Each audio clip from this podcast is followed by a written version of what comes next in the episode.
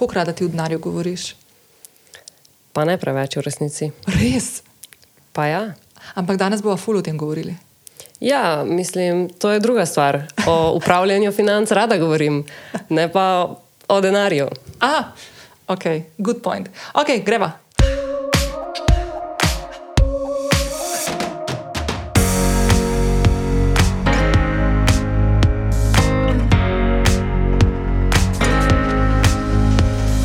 Dobrodošla na podkastu Lovim ravnotežje. S tabo sem Nina Gaspari, danes je petek in čas je za svežo 139. epizodo tega podcasta.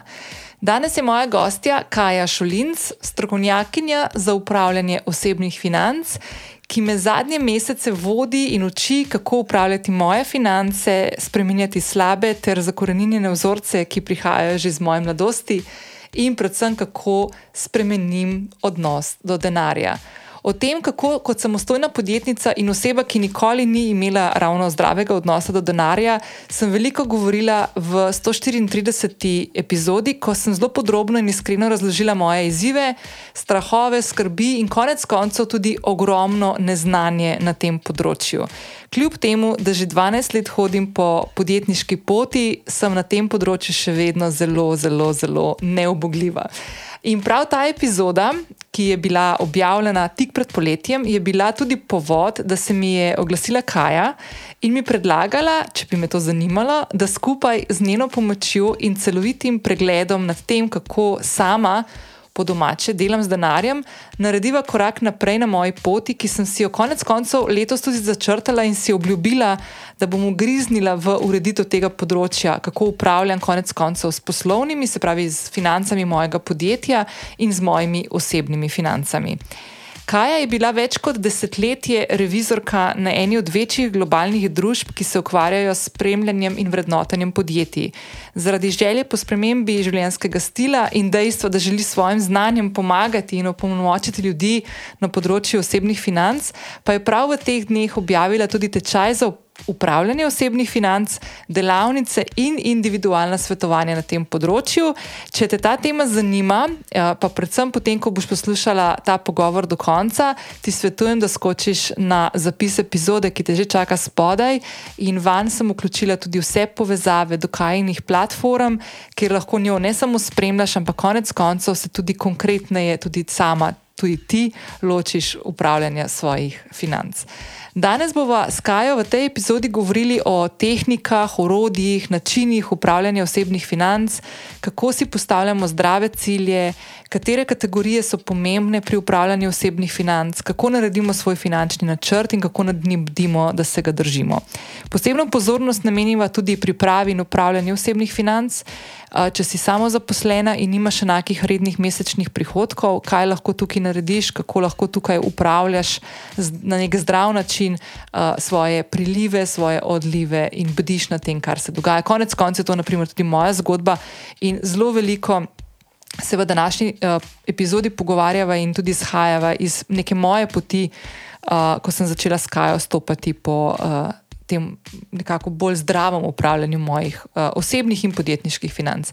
Na koncu pogovora se bomo osredotočili še na varnostni oziroma emergency fund, kako ga začneš graditi, kako se lotiš vrčevanja. Jaz sem tudi o tem že neštetokrat govorila, da mi ne gre ravno prav od rok. Uh, kakšne trike lahko pri vsem tem ubereš, da prideš hitreje do nekega cilja, ki se ga postaviš.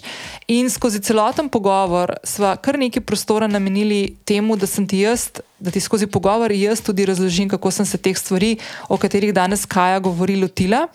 Ka, do kakšnih spoznanj sem prišla v zadnjih mesecih, odkar me Kaja vodi skozi ta postopek oziroma proces, kaj se je spremenilo, kakšen občutek imam danes glede denarja, kako to vpliva na moje vsakodnevno počutje in upravljanje z nekim občutkom nesigurnosti glede prihodnosti, ki je verjetno v teh časih zdaj še toliko večji, ko noben ne ve, kaj nas čaka v prihajajočih mesecih. Zdaj, če zelo poenostavim, lahko povem, da ko sem snemala 134. epizodo, ko sem govorila o svojih strahovih in vzorcih, ki ne delujejo, pa jih ne znam zamenjati. Um, ko sem govorila, kako sem prvič zamenjala banko v življenju in kaj je to pri meni vse sprožilo, kakšne odločitve sem sprejela. Uh, jaz sem imela v tistem obdobju zelo veliko tesnobe, zato ker sem se počutila, nisem vedela, kje to prijet, kje prijet in, in narediti tiste prve korake, da bom dobila občutek, uh, da se premikam v pravo smer in da ne bom spet čez kakšen mesec obupala. Ne? In jaz sem neskončno hvaležna Kaji, da se mi je javila, lahko tudi povem, da se mi je javila na zasebno sporočilo na Instagramu. Uh, da se je javila in da mi je povedala, da če rabiš pomoč, z veseljem ti tukaj pomagam. Konec koncev tudi jaz zdaj pripravljam tečaje in delavnice, in konec koncev svoje svetovanja, ki jih bom imela in tudi meni koristi, da dobim feedback nazaj. In moram reči, da to poletje. Um, je bilo tako, jaz sem danes veliko bolj umirjena, uh, predvsem imam pa občutek, uh, da imam nadzor nad tem, kar se dogaja. Kljub temu, da sem samostojna podjetnica, ki nima rednih prihodkov, predvsem pa ne prihodkov, ki bi bili vsak mesec enaki, znam veliko bolj mirno spremljati, kaj se dogaja na mojem uh, računu, na mojem bančnem računu in tako naprej. Lahko tudi to povem, da sem začela vrčevati in da sem zelo blizu tega, da pridem do. Uh, oziroma, re, tako rečemo, zelo blizu. Sem nekje na polovici uh, želja, ki sem jih imela za nek varnostni fond, ki si ga hočem postaviti. Um, predvsem pa uh, razumem logiko in dinamiko uh, upravljanja financ danes veliko bolje kot kadarkoli prej, in zaradi tega tudi zelo lahkotno spremljam svoje stroške. Uh, Uh, tisti, ki me poslušate že nekaj časa, uh, sem se verjetno spomnil, da sem rekel, da sem jaz pred leti že v Excel tabelece upisovala svoje stroške in da sem se čist po domače zagovedla v to noter in, in nisem, in me je to v bistvu ful frustriralo. Danes delam tri mesece, že več kot tri mesece enako in mi je v užitek in veselje, zato ker vidim razliko. Vidim, kje, kje mi odteka denar, kam gre, uh, kje mi ostane, lahko, kaj lahko s tistim denarjem, ki mi ostane, naredim, in tako naprej. Uh, tako da vabim te, da prisluhneš današnjemu pogovoru, ne glede na to, kje si na svoji poti, ne glede na to, kako ujeto se mogoče počutiš, ali pa imaš občutek, da že vse stvari obvladaš. Uh, današnji pogovor s Kajo je ful, ful dober, ker ti ne bo govoril samo o nekih matem matematikah in formulah in modelih in načinih in tehnikah, ampak tudi o psihologiji denarja, o, o, o našem dojemanju denarja, ki ima zelo močen in definitivno bolj močen vpliv, kot ga ima neka matematika, na to, kako, na koncu, kako smo na koncu uspešni uh, z upravljanjem svojih osebnih financ. Preden skočimo v pogovor s Kajo, te vabim, da če še nisi prijavljena na podcast Lovim ravnoteže, to lahko storiš zdaj prek aplikacije, na kateri trenutno poslušaš to epizodo. Vedno sem vesela tudi ocen in mnen, ki mi jih lahko pustiš na aplikaciji ali pa se mi, kot se mi je Kaja, oglasiš v zasebno sporočilo na Instagramu. S prijavo dajo ocene in mnenja na aplikacije, pri kateri poslušaš podkaste, pomagaš meni kot ustvarjalki, da za ta podcast slišijo tudi tebi podobne ženske in moški. In tudi tokrat lahko spodaj v opisu najdeš povezavo do zapisa epizode, kjer te čakajo vse povezave, ki smo jih danes s Kajo omenili v epizodi. Čakate tudi njena spletna stran, kjer si lahko pogledaš njene tečaje, delavnice, osebna svetovanja na področju upravljanja osebnih financ in povezave, pri katerih boš lahko Kajo spremljala tudi v prihodnje. Kaja, dobrodošla spet pri meni.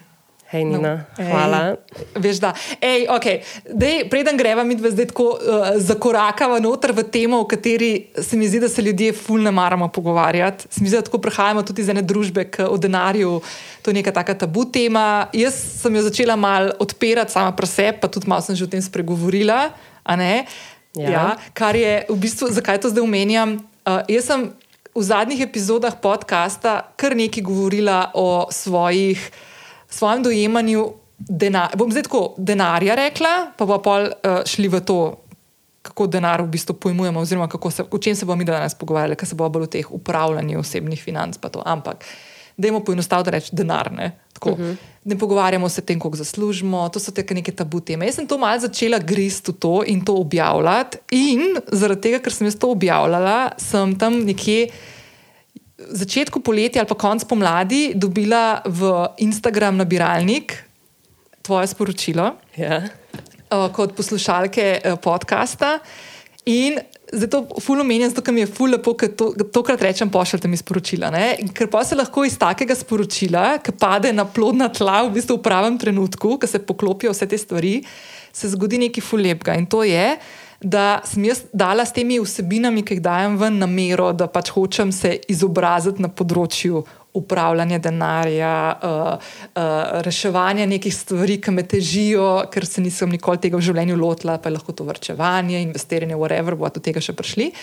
Tisti takrat meni sporočilo poslala in si mi povedala, hej, jaz sem pa Kaja, sem to pa to, kar boš povedala, pol kdo si, pa kaj, kaj si počela v življenju, da si do danes prišla tukaj, kjer si. In uh, nekaj pripravljam, da bi te zanimali. In jaz sem na samem tako, o moj bog, ja, nujno. Ne?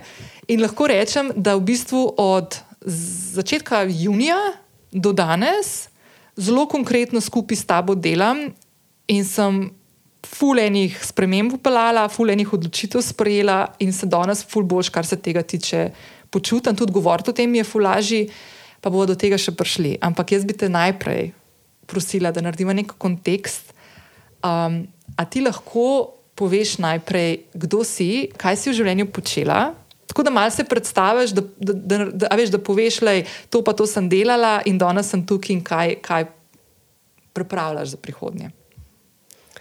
Ja, uh, najprej bi rada rekla, da tisto sporočilo v tvoj Instagram na viralnik je bilo um, zelo random, na ključno. Sem rekla, bom poskusila. V bistvu sem ti pisala za čist nekaj drugega, ne? uh -huh. za knjigo osebno, ki pač fula rada berem.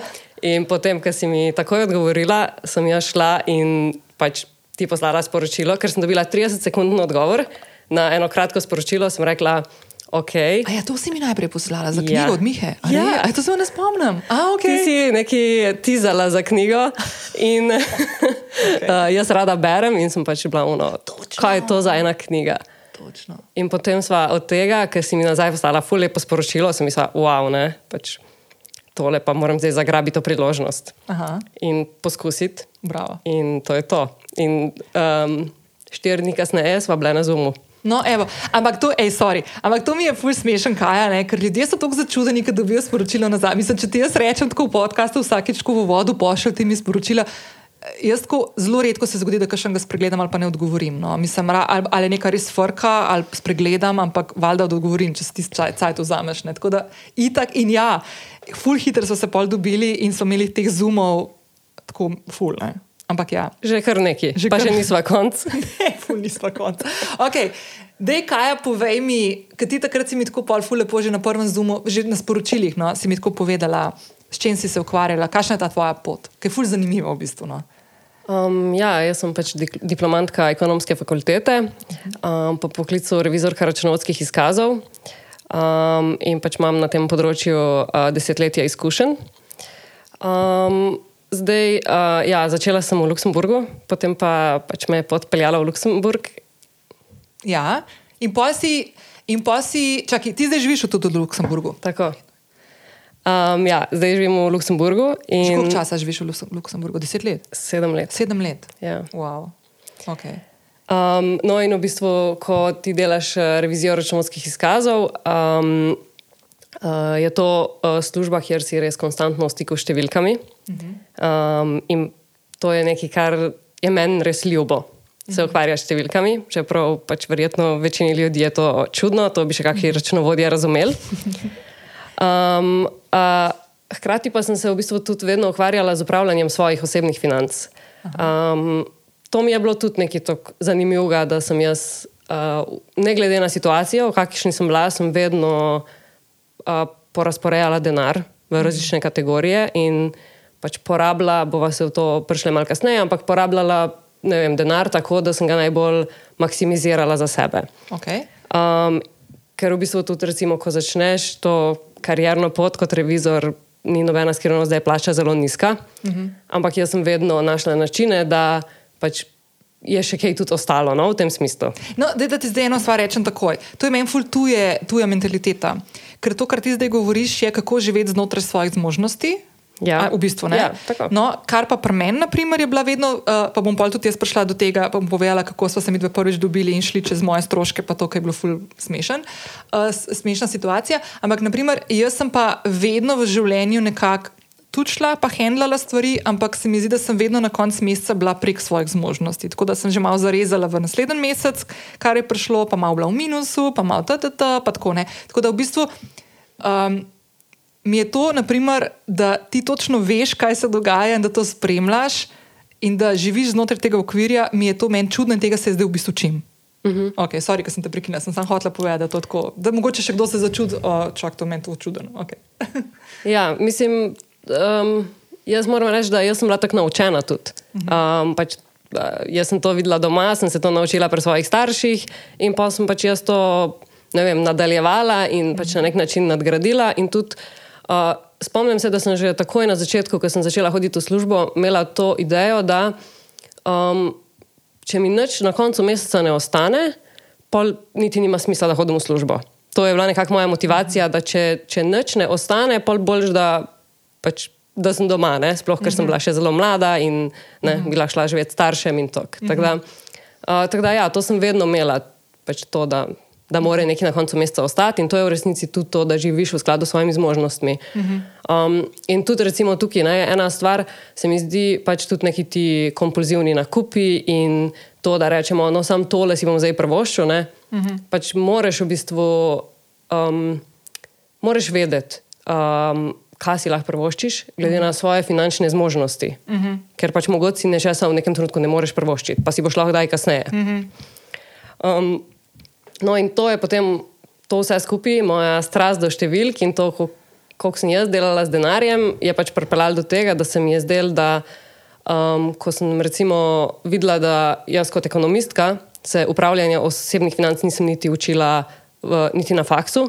Uh mhm. -huh. In se mi zdi, da na koncu vsi moramo upravljati z denarjem vsakodnevno. Pač uh mhm. -huh. velik, del našega, uh, velik del tega, kako bomo živeli svoje življenje, nam kroji denar. Uh mhm. -huh mi pa pač noben pa nas o tem ne izobraži. Ampak to je meni noro, da se naprimer, tudi, ko greš tako pot, a veš, da greš ti. Študirati te stvari, pa napri, me, zdaj sem spet malo tako zletela, ampak to je tako, kot zdravniki, ki se ne učijo prehrani. Pa vsi jemo hrano, veš, in ful vpliva na naše razpoloženje, zdravje. Tudi, veš, da se ne učiš o teh osnovnih stvarih, to je meni čisto noro. In zaradi tega, mislim, to sem že parkrat izpostavila, da meni se zdi ključno, da se bi to že v šoli osnovni učili. Uh mhm. -huh. ja, Otroke. Sigurno. Ne?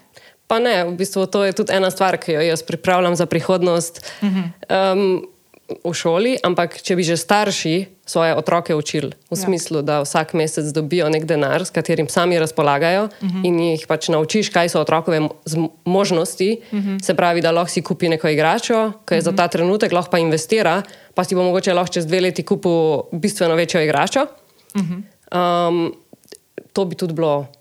Ja. To bi tudi bila velika stvar za, za otroke. No? Uh -huh. uh, v šoli pa tudi absolutno. Ja. Uh -huh, uh -huh. Okay. Ampak da prideš pa iz ekonomske fakultete. Ne? Brez tega. Ne? Ja.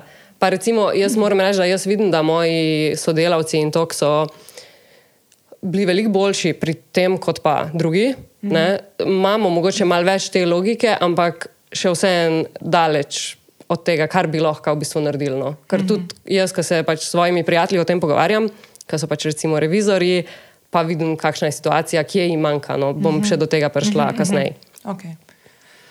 Um, ok, zdaj mogoče, veš, kaj bi jaz, um, kaj bi jaz v bistvu zdaj preden greva bolj. Poglobljeno noter, pa bom tudi jaz tako pol do tam, ko smo mi dve prišli, ker še niso tako, kot si rekla, mi dve bomo se še fulkrat na zumu dobile, ampak ok. Um, jaz sem že parkrat povedala v prejšnjih epizodah, da sem včasih, uh, leta nazaj, ful spremljala svoje stroške. In to je ena taki Excel tabelci, ki me je v bistvu ful morila. Ne? Jaz sem mm. lahko, um, skozi sem bila, se mi zdi, pod neko tenzijo, da. Mm, Nisem se premaknila, nisem, nisem imela te tabelece za to, da bi se naučila, ali pa da bi, da bi si vzela cajt in pogledala, kam mi gre denar, pa potem prilagajala svoje vedenje temu primerno ampak sem v bistvu to dampanila, sem noter te podatke in nad njimi naredila. In v bistvu sem imela, v bistvu, zaradi tega sem imela skozi neko to tenzijo, ker nisem upravljala s tem, ampak sem dejansko sam mislila, da sem razbremenila, dejansko sem si pa dvojno, dvojno težo naredila in sem pol to nehala. In sem padla v to mentaliteto, da go with the flow, denar more odtekati, da lahko priteka, a ne. Um, malo me je začelo te mal uh, ezoterične uh, stvari strani uh, metati. Pa se je pa zgodila ena ful pomembna stvar, ki sem jo tudi parkrat omenila. In to je, da se je moja realnost v zadnjem letu in pol, tudi in predvsem zaradi tega, ker sem zdaj v partnerski vezi, v kateri razmišljam skupaj še z nekom o prihodnosti in o tem, kako si ustvariti nek dom in tako prvič se o teh stvarih aktivno ukvarjam in posledično to potegne za sabo tudi to, da se moraš prej začeti pogovarjati o denarju, kar je čist neka nova realnost in meni je to čist bizarno. In ti si fule popadla direkt v ta zos, v ta pravi moment s tistim sporočilom takrat. In zdaj, kaj, kaj, hoč, kaj hočem jaz tukaj povedati? Ena stvar je, da jaz sem zdaj nazaj v Excel tabelicah. Ker ti si meni prvo stvar rekla, tole bomo začeli, in jaz sem tako rekla, oh, šit. In sem se vrgla nazaj v tiste moje prejšnje tabelice. In da zelo poenostavim, pa povem, kaj mi zdaj zadnje tri mesece delava, oziroma zdaj že malo več. Kaj je meni tako rekla, junija meseca, napiši vse svoje stroške. S tem, da sem bila jaz junija meseca na enem potovanju in sem imela ful visoke stroške in sem šla absolutno prek svojih zmogljivosti tistega meseca.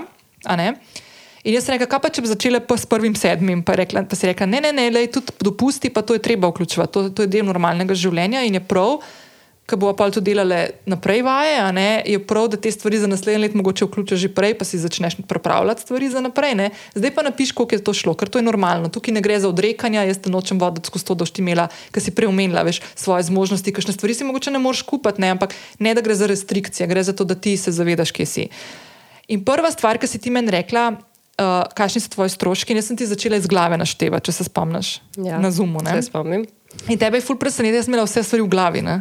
Ja. Vse, pri, zelo priti mač. Ampak jaz sem rekla, veš, moji mesečni stroški so tam uh, nekje tam Jurija 200, Jurija 300, in pa sem ti jih začela metati in ti si jih pisala.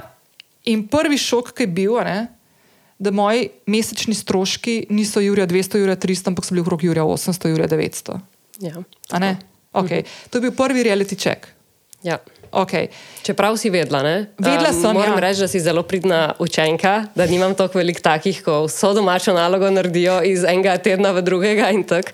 Ja. Uh, tako da si se res tega um, lotila, tak, ja. na polno. Vse poslušaš in vse narediš.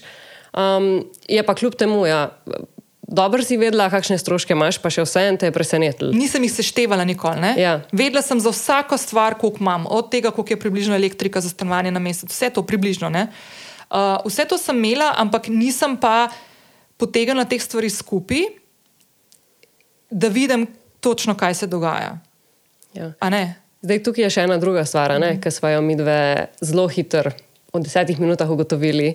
Da ti, ko poveš, kakšni so tvoji stroški, ti poveš tvoje osebne stroške skupaj s stroški tvojega podjetja, SP-ja. Ja. In to so dve različni stvari. Zato, ker nekdo, ki je pač na svoji poslovni poti, mora ločevati stroške podjetja in osebne stroške, mhm. nekdo, ki pa je zaposlen, pa dobi tisto neto plačo, kar mhm. je za samostojnega podjetnika po stroških podjetja, mhm. in ima zato na koncu moraš to odšteti, da ti dve osebi upravljata svojimi neto prihodki.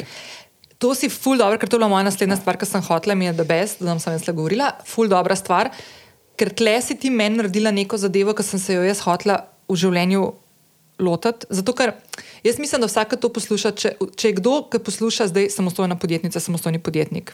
Predvsem te, ki smo na SP-ju. Ker v bistvu imamo lahko tudi en račun bančni, če ga želimo. Ne, ne, jaz sem sicer ločena, ampak lahko imaš enega. Stvar, ki je problematična. In jaz, ki sem 12 let na samostojni podjetniški poti, imam še vedno s tem izziv. In zdaj ga tega, moram reči, nikoli nisem imela boljšega občutka kot zadnje tri mesece, odkar smo mi dve na vezi, da delam to razmejitev. Točno to. Uh, podjetje, Nina Gaspari, SP, pa Nina Gaspari, fizična oseba. Ker jaz sem, ko sem govorila o svojih stroških, zmetala vse skupaj. Ne? In dejansko to ni res, to ni to. Ne? Jaz moram odšteti svoje spravo, prispevke, ki jih plačujem, akontacija dohodnine, davke, ki jih plačujem kot davčna zavezanka in vse stvari, ki pridejo računovodki. Vse te stvari so izven, da jaz pridem do tistega, kar je moja neto plača, kot če bi bila zaposlena. Ja, je res. Ja. Kar se jaz v, v, sem se zavedala, ampak nikoli nisem na tak način pristopala k temu. Ne? Ja, mislim, da je to tudi ena takšna moč tega, da daš to na papir. Ali pa, mm -hmm. pač jaz dam rajši v Excel file, zato mm -hmm. ker ko smo enkrat pri um, številkah, pač lahko v tisti Excel tabelci ti to samo zračuna. Um, ampak ja, jaz mislim, da tukaj res um, moramo, moramo to podrobno analizirati. Pač zaradi dveh razlogov. En je ta, da čeprav si vedela svoje stroške, si na koncu ugotovila, da so v bistvu 50% višji. Kot si pa mislila, ne? če rečemo Noro. 1800 proti 1200, Ja, pol, pol več. Ja. ja, pol več. Ja.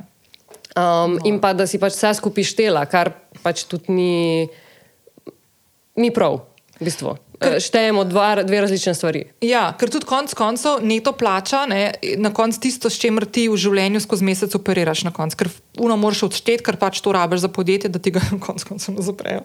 Ja. A ne?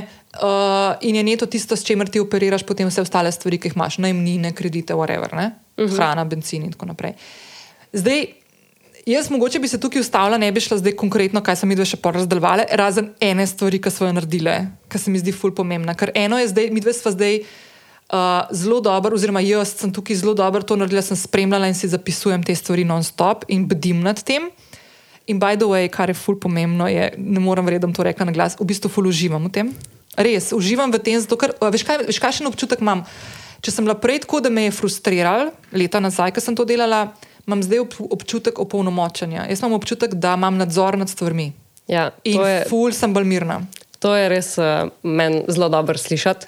Ja. Uh, zato, ker to je tudi, mislim, ena stvar, ko vsi mislimo, da ko bomo to začeli spremljati, bomo pa depresivni, bomo jezni, bomo ne vem, mogoče videli, koliko smo nesposobni, ampak v resnici je efekt Kontra. kontra. Ja. Pač vidimo, kaj lahko naredimo, v bistvu na nek način začneš razmišljati, um, začneš iskati rešitve. Vidiš, kje si in lahko v vsaki situaciji vsak lahko naredi mogoče čist majhno spremembo. Uh -huh. V bistvu na koncu sploh ni.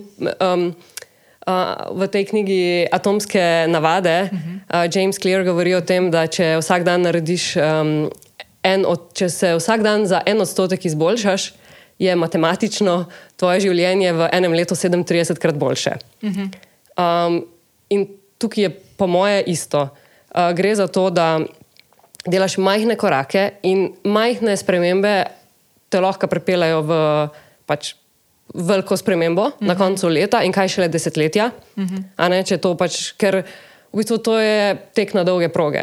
Uh -huh. Ko to enkrat začnemo delati, je to, mislim, če se to navadiš, če vidiš, da to deluje, verjetno ne boš nikoli nehal, ker v resnici vidiš, da, da je dobro, da, da greš tako naprej. No, jaz ti lahko eno stvar povem, tako zelo, zelo na tej ravni. Uh, jaz sem imela pomladi um, eno krajše sicer obdobje, ki se je dolg časa nalagal. V bistvu tako bom rekla. Jaz, odkar sem z Miho skupaj, je mene skozi malo frustriralo, da, ne, da jaz ne prenesem, pa, pa ni živiva skupaj, pa to ampak ima neko željo, pa si ustvariti skupen dom.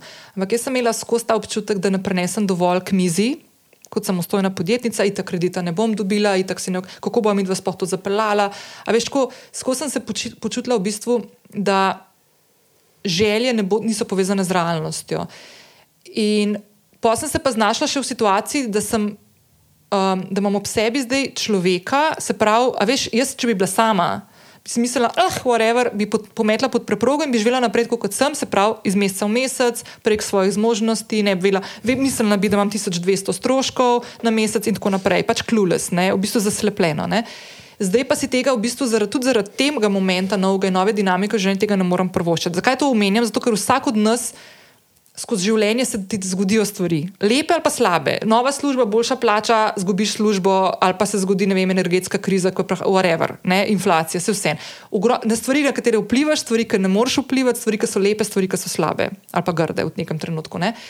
Spremenjene okoliščine in jaz sem se počutila ne dobro. Čeprav sem ful srečna, pa to sem mislila tako, šit, nikoli ne bo to, kar si želiva, mogla, zato ker bom jaz tukaj, ja- jaz pušim tukaj. Uh -huh. No, pa še to bottom line lahko narediva, da jaz nimam nobenih prihrankov, pa, nobenih, uh, pa nobenih, vr, nobenega vrčevanja, pa nekih investicij, da bomo še tako biti iskreni. Ampak to se je že spremenilo zadnjih No, in mesecih. a zdaj, ne? in zdaj, evo, en primer, ki se je zgodil ravno zaradi teh freaking tabelc od Kaja. ne. Uh, kje se tle stvar, stvar spremenja? Kaj sem jaz ugotovila, ko sem začela te tabelce reševati? Je, da jaz sem jih začela s prvim šestim reševati. spremlja svoje stroške, odlive. In kaj sem ugotovila? In prilive. In prilive, valjda, ja, in prilive, ja, sorry.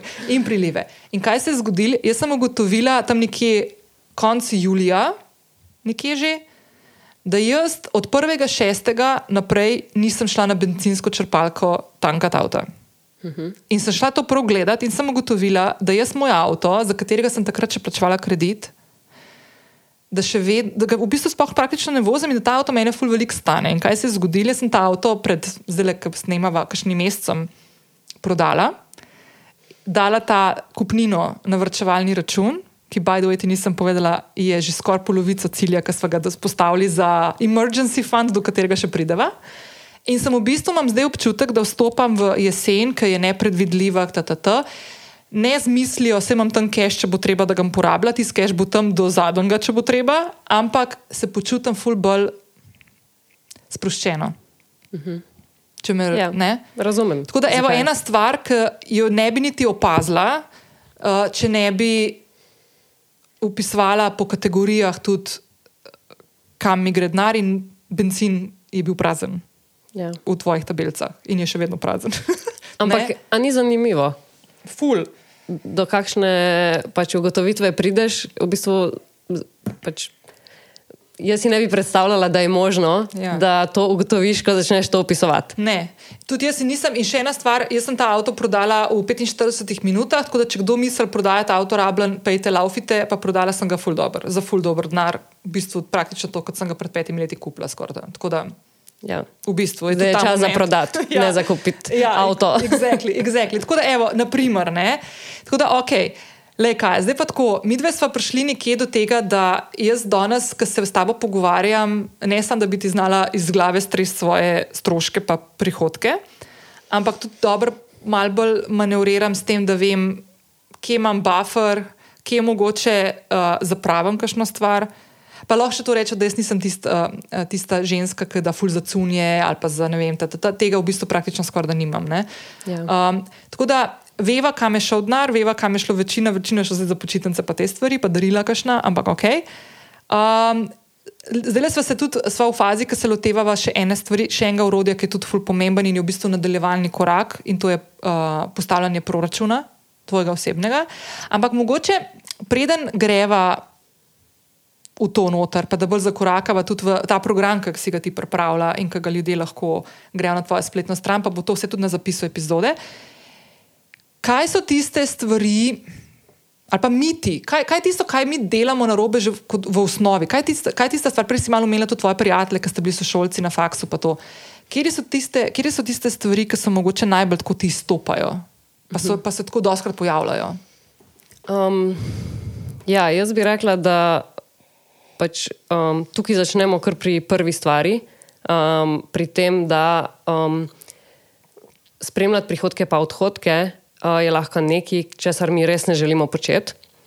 Um, ampak prva stvar je, da vemo, kje smo in da vemo, kje lahko kaj spremenimo. In mi vedno mislimo, mogoče prvi mit je tukaj to, da uh, mi mislimo, da um, boljše ne moramo upravljati z denarjem kot zdaj. Pa smo že zategnili do konca, uh -huh. tistih par stvari, ki si jih prvoščimo, si jih bomo še vedno prvoščili, pač so za nas, se ne bomo o njih pogajali, Ker ali lahko to zapravimo, porabimo ali ne. Ker živeti je treba in tudi malo uživati, ne valjda? Ja, tako. Absolutno. In, ampak jaz, jaz vse to podpiram, sam mislim pa, da je dobro, da daš to na papir in imaš to analizo, ker iz tega lahko potem vidiš, a, a je to res, mhm. kar misliš, ali na koncu ugotoviš, da je velikrat prišlo kaj, kar pa ni v skladu s tvojimi prioritetami, mhm. ni na vrhu tvojih prioritet, in potem, ampak si vseeno dal veliko preveč denarja za to stvar. Uh, zato, ker cel ta program v bistvu uh, so orodja, ki um, vsakemu pomagajo, da pride do svojega finančnega načrta, do svojega mesečnega plana, do svojih dolgoročnih ciljev, do svojih kratkoročnih ciljev in tako naprej. In za vsako osebo je to individualno. Mhm. Valjda. Nista dve, ne glede na prihodke, ker si ne želimo vsi enakih stvari. Um, potem to pomeni, da moramo uh, vsak za sebe si vse to postaviti. Ampak osnova tega je pa še vedno, da najprej vse to damo na papir, zato da sploh vemo, kje smo, in potem, ko razmišljamo naprej, kaj si želimo, lahko potem to, kar smo dali na papir, na papir spremenimo. Ker mm, ideja tega je to, da ti porabiš denar za stvari, ki so te po življenju pomembne. Mhm. In v tem trenutku, se pravi, kaj čez mesec porabimo, da porabiš denar za stvari, ki so tebi pomembne, in ne za tisto, kar mogoče tvoj prijatelj porablja denar. Ker imamo veliko tega primerjanja, pa si mislimo, da če nekdo drug ima pa takšen avto, pa zdaj moram tudi jaz imeti nov avto. Ali pa karkoli drugega. Sam veš kaj, sam, sam en skok noter. Uh, Meni se zdi, da nikoli ni bilo to bolj pomembno kot v, tem, v teh zadnjih letih. Ker, ok, eno je avto, ne, to so zdaj večji nakupi. Ampak ti, ki dneve preživiš na računalniku, telefonu, spremljaš razno razne družabne omrežja, vidiš tam unga, influencerja, enega, drugega, prijatelja, tretjega. Lahko gre za 5 evrov tukaj, 10 evrov tam, 20 evrov tam, pa je kar enkrat lahko 100 evrov, pa to, če imaš ti plačo Jurija, ne rečeš, pa je to 10% tvoje plače. To so lahko mehne stvari, ki so neki ti spontani, hipni trenutki, ki včasih je bil to čingumi na blagajni v trgovini, zdaj je pa to lahko, ne vem. Uh, Cunica, ki jo vidiš tam od uh, nekega trgovca, ali pa ki ne, pri nekomu vidiš, da ima na sebi. A veš, in se pa vse šteje. Tako da v bistvu upravljaš tudi lahko s temi hipnimi nerazumskimi trenut, trenutki v življenju, ki se ti zgodijo, ki jih imamo vsi. Ja, ne? točno to. Um, jaz sem imela par let nazaj en tak trenutek, ki sem pomislila, um, mogoče včasih rečemo, da 20 evrov ni nič, pa da bomo 20 mhm. evrov zapravili sproti, mhm. potem pa mogoče včasih tudi 50 evrov lahko na tak način zapravi, porabiš. In zdaj, mhm. a smo pri 20, a smo pri 50. Um, v nekem trenutku sem si rekla, ok, če jaz zapravim 20 evrov neki, na, za nek hipen nakup, uh mhm. -huh. to naredim 50 krat, je to 1000 evrov. Uh mhm. -huh. In to je matematika. Uh mhm. -huh. In si mogoče sploh ne predstavljamo, kaj je to, da se 50 krat odločim za 20 evrov in je to 1000 evrov. Ja. Pa to pa lahko narediš na letni ravni. A veš, pogledaš pa rečeš, ok, pa se ti bajdo, to se ti zgodi več kot 50 krat v enem letu. Veš, mislim, to se dogaja. Ne? To se mislim, ti zgodi več kot 50 exactly, krat. Bodimo iskreni, ne? to pač vsi imamo to. In prav je, da se tega. Fajn je, da se tega zavedaš, da to veš, da počneš. Ne gre za to, da se zdaj nekaj hočeš tukaj zdrav z nekimi stvarmi, ampak da veš, kaj se dogaja in da znaš te stvari konec koncev, če ne drugega, ali načrtovati, ali imeti v, v zadju glav. Jaz sem se zdaj, by the way, odkar smo mi dve delali, sem se zalotila, ful veliko, da sem se ujela. Uh mhm. -huh. Točno tle. Pa to so bili mehki zneski. Pa, naprimer, primer, Mogoče lahko še poveš, kaj si rekla, da boš naredila s tem ja. denarjem, ki se zalotiš. To sem že enkrat omenila, to še nisem, pa sem šla. Ok, bom povedala. Ampak eno, eno stvar sem hotela prej. Naprimer, jaz sem avto prodala in sem dobila večji sam denarja na račun. Stara Nina, ne, bi naredila, da okay, ta delček bom dala malo na vrčevalni račun, ajde, ne, ali pa ga ne bom zapravila, ampak en del bom šla pa, naprimer, zdaj le konkretno bi si ful rada bi prodala računalnik, prenosnik, ki ga imam, pa si vzela iPad. Naprimer. Uh mhm. -huh. veš, in bi komod zdaj lahko šla pa si skeširala iPad. Uh mhm. -huh. Pa sem si mislila, zakaj to ti dela, se še vedno lahko, pa če bi načrtovala, da ga boš kupila čez ne vem, tri mesece šteka. Ja. Ta mentor in sem celotno kupnino preložila takoj. Ena stvar, ki sem jo te pomenila, ki sem jo že imela um, idejo, leta, kakšno let, dve nazaj, to sem se s Teso enkrat pogovarjala.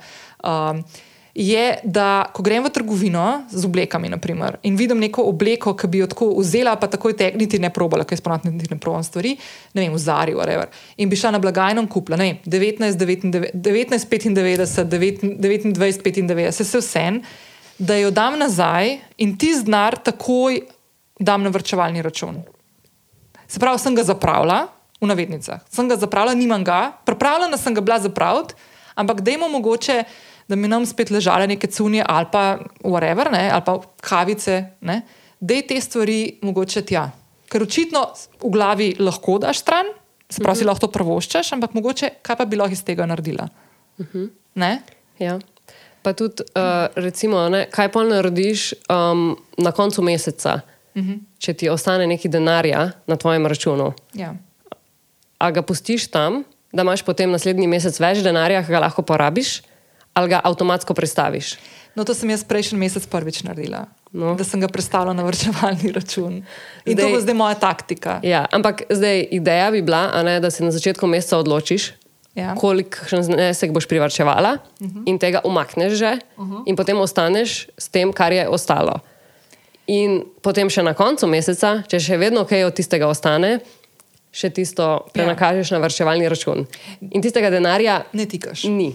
Ne? Tudi to, kar si rekla, recimo za ta iPad, da bi ga zdaj lahko kupila iz te kupnine od avta, ampak si rekla, da ne, da bi mogoče za njega uh, planirala.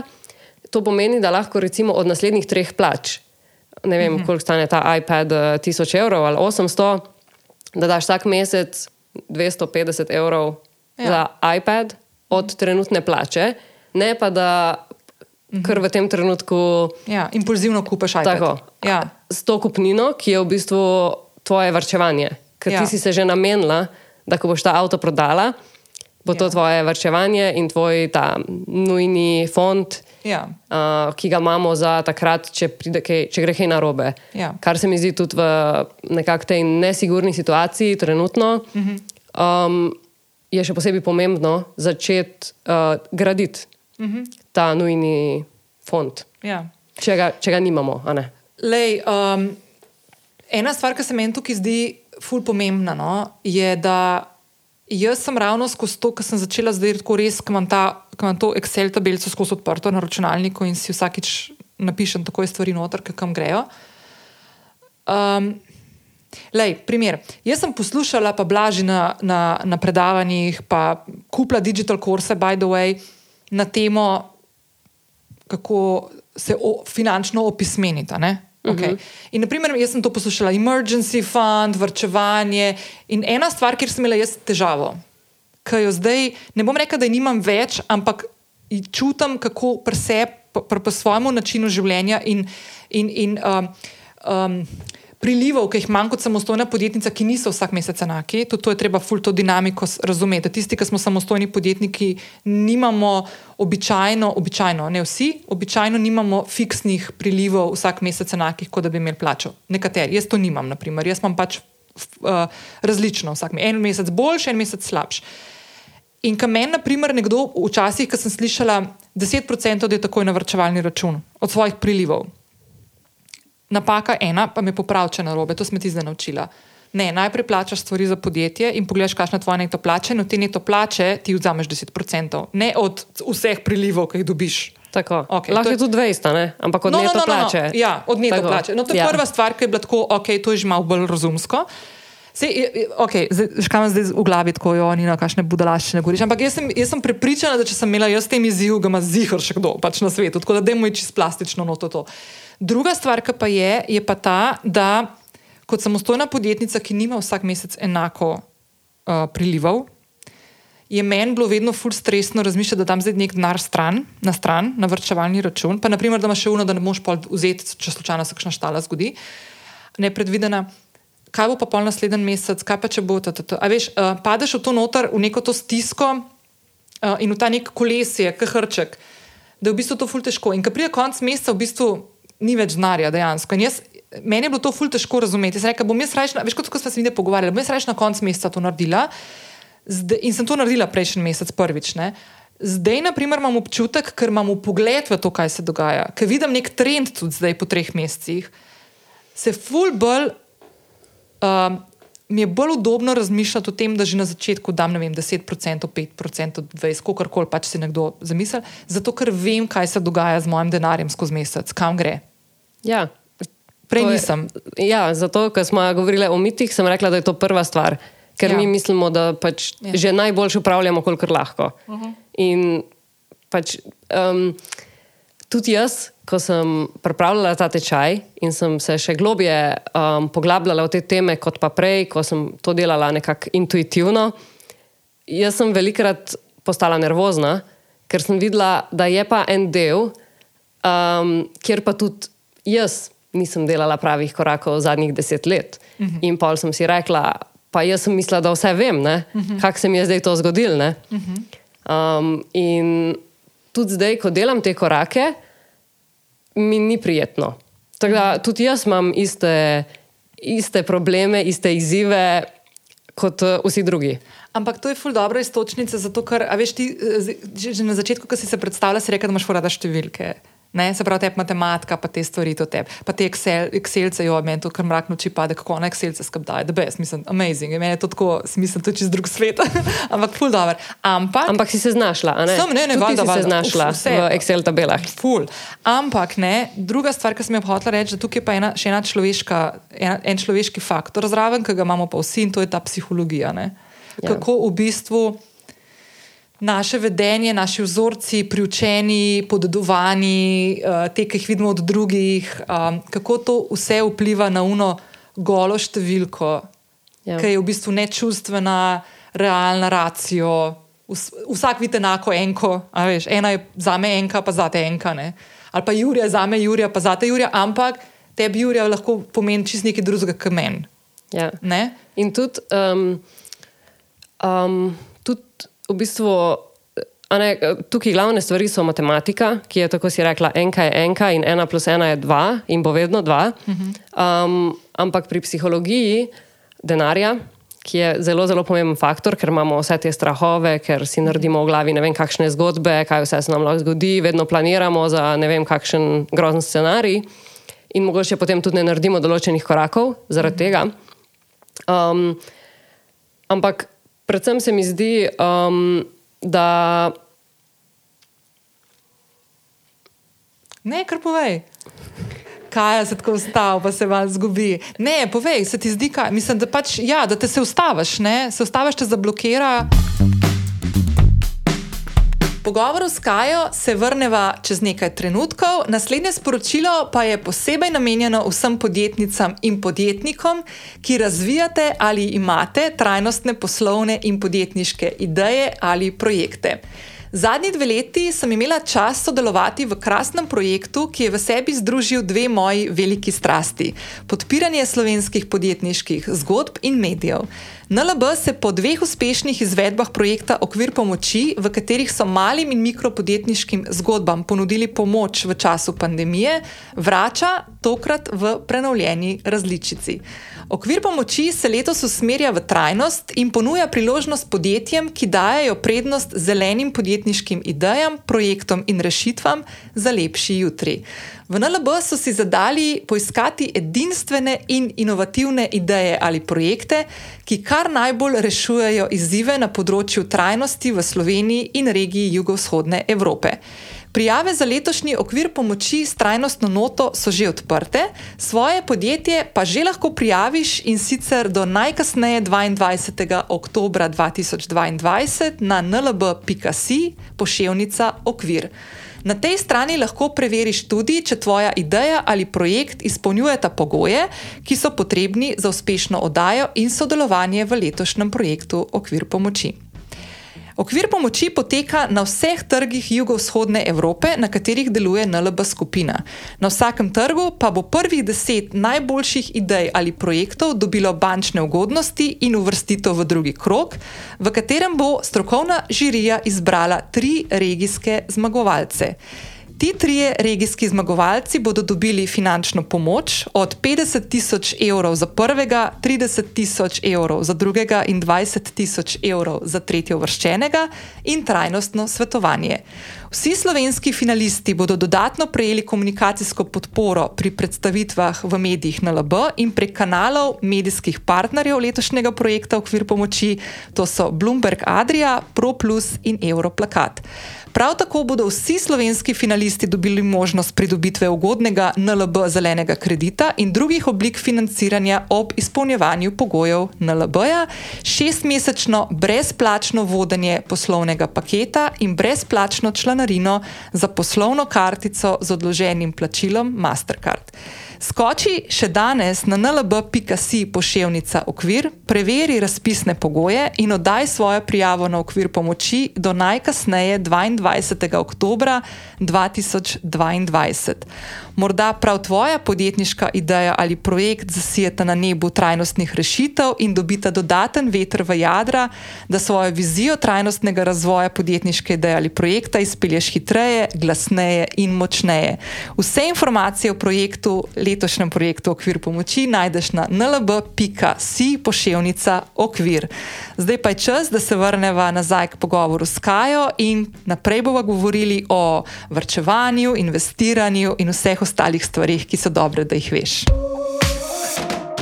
Ja, Nina, točno tako. Uh, ko smo pri matematiki, ena plus ena je vedno dva. Um, psihologija denarja, to je pa potem ena malce bolj uh, kompleksna stvar. In uh, tako si to rekla za tisoč evrov, um, to se mi zdi zelo pomembno, da se zavedamo, da ljudje lahko imajo veliko denarja, pa se ne počutijo dobro ali pa varno s tem denarjem, drugi pa lahko imajo manj. To, kol koliko denarja imamo na bančnem računu ali pa nekje investiranega. Um, v resnici nima veze s tem, kako se mi počutimo, in to je vse psihologija denarja. In tukaj pri psihologiji denarja um, bi rada še omenila to, da pri osebnih financah je 20% znanja in 80% obnašanja. Tako da v bistvu mislim, da to vse pove. Um, Kako je v bistvu pomembno, da mi vemo, ka, kako se obnašati, uh, da spremljamo svoje obnašanje mm in da ga poskušamo racionalizirati, ker vse, kar delamo, je pač zelo emocionalno. Mm -hmm. In bistvu, nezavedno, velikrat tudi. Ne. In velikrat nezavedno, v bistvu tako veliko znanja pa ne potrebujemo. Če mm -hmm. neke, ko vemo neke osnove, smo že na veliko boljši poti mm -hmm. kot pa ljudje, ki pač ne vejo osnov, ampak potem je pa predvsem pomembno, da smo zavestni uh, pri svojem obnašanju. Lej, to, kar si ti zdaj povedala, se meni zdi tako ful. Tako, um, Pa ne glede na to, da sem že zakorakala v to in da zdaj pri sebi vidim tudi to razliko in v tem um, samo upravljanju, kako vidim, da, da mi več ostane, kot bi mi sicer, ker mi je čist bizarno, z enakimi prilivi. Um, ena druga stvar, ki mi je tukaj ful pomembna in še zdaj, ko te poslušam, se mi zdi, da mi pade še en delček kamna ali pa skale z ramen, je to, da prvič. Um, da je to normalno, drugič, da uh, ta občutek, da moraš celo znanje tega planeta zvedeti, zato da boš nekaj lahko spremenil, nekaj malga, je v bistvu res bulšit. In tle čist, čist pre... to mi je ful dobro, ta 20%, 80% pa obnašanje, to mi je ful in dejansko drži, to jaz presep tudi vidim. Jaz sem še eno drugo stvar povedala. Jaz sem zdaj na začetku povedala, da sem zadnje par let živela v tem v tej mantri, ne, da mora denar odliv, more, moraš zapraviti, zato da narediš prostor, da pride nov. Pa se to deloma tudi drži, je res pa prav, zato da kao imaš občutek, da nisi pod stresom, čeprav zdaj, ko pogledam nazaj, v bistvu sem bila pod stresom. Um, pa to, uh, itak ne vem, kam grem, itak nam nikoli v penziji, itak je vse tako, zakaj pol dajala neki na stran, veš ta, ta scena. Ne? Pa dobiš pa itak sporočila, do katerega še prideva. Uh, uh, predčasno upokojevanje in ne vem, kakšne scene. Ampak to še priva do tega. Ampak eno drugo stvar sem hotela reči. Uh, da jaz sem zdaj v treh mesecih dobrih, odkar delam po tem tvojemu uh, programu, uh, ki si mi ga predstavlja in ki se lotevam tega reality checka, predvsem, ki sem ga zdaj rečemo obklukala, pa greva zdaj naprej. Sem naredila še eno stvar, jaz sem v bistvu začela uživati v tem. Jaz sem začela uživati v tem tok, to sem ti mislim, da omenila, nisem ti pa še pokazala. Da sem šla za 12 let nazaj pogledat vse prilive, In sem naredila tabelo po letih. Pojma, no, nisi mi še povedala. Po letih, spravi 11 let, pa pol, sem naredila po letih vse prilive, vse odlive za podjetje. Se pravi, zračunala sem si neto plačo za vsak leto posebej uh mhm. -huh. in potem skupno.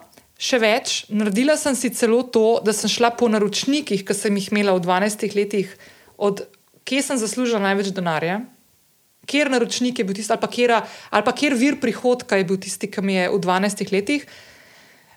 In imam tako en tak, veš, tak big picture sem si naredila, zato ker kot samostojna podjetnica sem se ful doskrat znašla v situaciji, ker sem se počutila manj vredno kot podjetnica.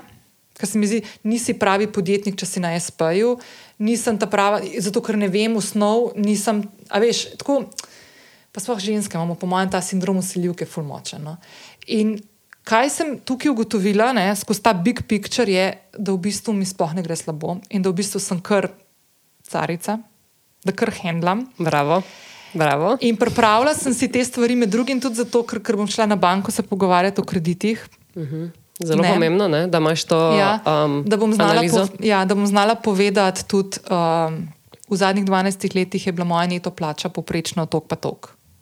Ja. Ne? Tako da, um, a se premaknemo naprej. A si hočeš še kaj reči? Ne, v bistvu mislim, da se lahko tukaj naveževa na to. Um, ker to, kar ti zdaj govoriš, je, um, odkot, odkot je vse zdaj to pršil, da si ti zdaj naredila to stanje in da si šla za nazaj pogledat. Je Ja. to, da si si naredila ta finančni plan, ki je v bistvu tvoj življenjski plan, zelo enostaven, treh ali štirih ciljev. Ja. In to je eno izmed orodij, pač, ki ga jaz predstavim in razložim podrobno v, na delavnicah ali pa pač pri osebnem svetovanju. In to zdaj tebe vodi do tega, da um, v bistvu si tudi začela graditi um, nek nujni uh -huh. fond, ki ga lahko uporabiš tudi uh, kot uh, tisti del uh, prispevka v kreditu. Ja. Če pač gre Fiksni samo na del, kup stanovanja, ja, Ja. neki ta del, ki ga moraš plačati, um, ko greš v, kre, pač v kredit. In se mi zdi ta jasnost za naprej, kaj si želiš, ti je tudi dala naslednji korak, da si šla še gledati za nazaj in da si si vse to zračunala. In hkrati tudi um, mislim, da če ti priješ na banko in tam začneš mešati, to so bili moji prilivi, in oni vidijo, da mogoče ti sploh ne veš, kaj so bili stroški podjetja in kaj so tvoji. Mislim, da si zdaj veliko bolj Ja. um, pripravljena, Ja. ja. da se na banki pogovarjaš. Ja, In- absolutno. Tudi oni dobijo drugačen občutek, Ja. ko ti zaprosiš za kredit. Še ena stvar, ki si ti rekla, ki sva, mi dve, ki sem ti rekla, da bom avto prodala, si rekla, no super, pa, pa lahko ta denar daš na vrčevalni račun. Se pravi, da delaš tisti svoj emergency fund, oziroma ti si rekla, ful dobro, va, var, varnostni fond. Kaj si rekla prej? Ja, Var, va, varni- varnostni Ja. del. Ja. Okay. Ker to fulkrat slišimo, koliko je to dobro imeti 3 do 6 mesecev tvojih stroškov mesečnih, bla, bla, bla. Ne? Ja, ok, iz tega nisem imela. Zdaj rečemo, da imam za, sigurno za 3 mesece, če nekaj več. Ne? Okay. Pa si pa rekla eno stvar, ki mi je bila ful dobra, pa ne vem, če bom upoštevala, oziroma ful si želim, da ne bi. Okay. Rekla si, ti v zadnjih 12 letih, kot si mi povedala, nisi imela primera, da bi neki ful kolapsiral, da bi se ti neka stvar ful um, sesula. Jaz priznam, sem si že sposobila tudi denar, majhen, glih to, da sem imela uno vmes, če bi kakšna stvar prišla, ker sem taka, da račune takoj plačam, ne, Nisem, uh -huh. ne maram tega, da ne plačujem, ali pa da bi kakšne upomini pa to. In sem si takrat reč sposodila, da sem imela pa polne. Um, in si rekla, v bistvu zaradi načina, kako ti funkcioniraš, je ta tvoj emergency fund ni nujno, da je šestmesečni, uh -huh. ker si se skozi svoje obnašanje in delovanje se, se kaže, da v bistvu nisi tega nikoli rabila do zdaj. Ne? Ja. Jaz sicer vsem bi ga rada imela. A veš, tako da tudi, ko ti meni rečeš, naprimer, jaz, ko zdaj rečem, ok, sem že na polovici unga, kar smo rekli, skoraj, uh -huh. da je moja želja, da naredim ta emergency fund. Ne? Jaz bi še vedno to rada imela, pa potem še dodatno naredila to, da ko bom, ko sem šla pogovarjati za kredit, da bom imela tisti buffer dodatno zraven. Štek, ali pa, ker bom to uporabljala, da takoj začne spet noter dajati v ta fond. Tako, sej, v bistvu gre za fond, lahko ga imaš za šest mesecev, uh -huh. lahko ga imaš za eno leto, če misliš, da ga rabiš. a ne? Ampak predvsem uh, sporočilo tukaj je tudi, da preveč denarja imeti na bančnem računu tudi ni dobro, ker Ja. potem ta denar ne dela za tebe in Ja. za inflacijo zgubljaš. To zdaj govoriva, da je fajn investirati, ne? ampak ja, to je pa še druga to, zgodba. To je ja. že naslednja Ja, stvar. ja. Ampak eh, bolj v tem smislu, ne zakaj. Ampak hkrati pa, če ti gradiš ta svoj um, nujni pač, Fond, ja. fond in um, potem pride priložnost za stanovanje, mislim, da jo boš zagrabila in Ja. porabila ta fond in ga začela na novo graditi. In to je tudi v bistvu super poraba tega fonda Ja. za takšno stvar. Če je to tvoj finančni cilj, ki pač ga imaš uh -huh. za svoje življenje, Ja. dolgoročni cilj Ja. in Ja. si naredila velik korak k temu. Um, to mi je the best. Um, Dej veš kaj, mogoče da se vrnemo nazaj, pa greva malo iz te moje, da jaz nam zdaj samo sebi govorim. Ampak mi je ful dobro tako, veš, da dava ta občutek. Um, Da, da te uh, ne suhoparne, ampak te uh, številke, ki so nečustvene, pa to, da, da, pre- da, da, da jaz dam zraven svoj primer, kako imam jaz s tem. Veš, uh -huh. Jaz, kot skoraj 44-letna ženska, samostojna podjetnica, ki se je v tem uh, življenjskem obdobju znašla, ki nikoli ni vrčevala in investirala, kaj naprimer, lahko narediš, da se premakneš iz točke zero v točko ena, naprimer, v tem primeru, in da greš proti svojim ciljem, ki mimo grede še ena stvar glede teh ciljev. Ne? Ok, zdaj so že povedali, eden od ciljev je zelo jasno, pač to, da, zgreva, da greva mi dva v nakup eh, stanovanja, oziroma da si ustvarjava nek skupen dom.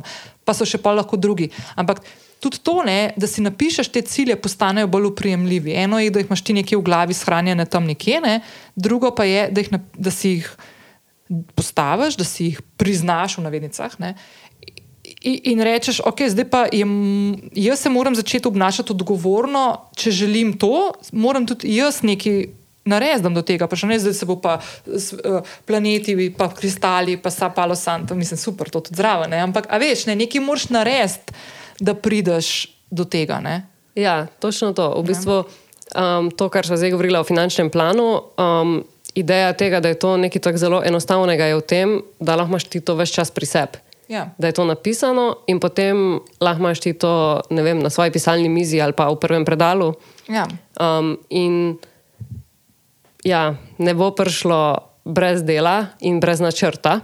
Ja. In pač, ampak mislim, da če če ti razumeš, kaj so tvoje prioritete v tem trenutku in za prihodnost, um, potem lahko vse to skupaj skombiniraš, odločiš se, narediš načrt. Um, to se mi zdi ena zelo pomembna stvar, v bistvu, da um, mi lahko upravljamo s osebnimi financami učinkovito. Brez da si te stvari zapisujemo, če pač intuitivno to delamo, tako kot sem jaz. Um, na učinkovit način, če to delamo na kratek rok.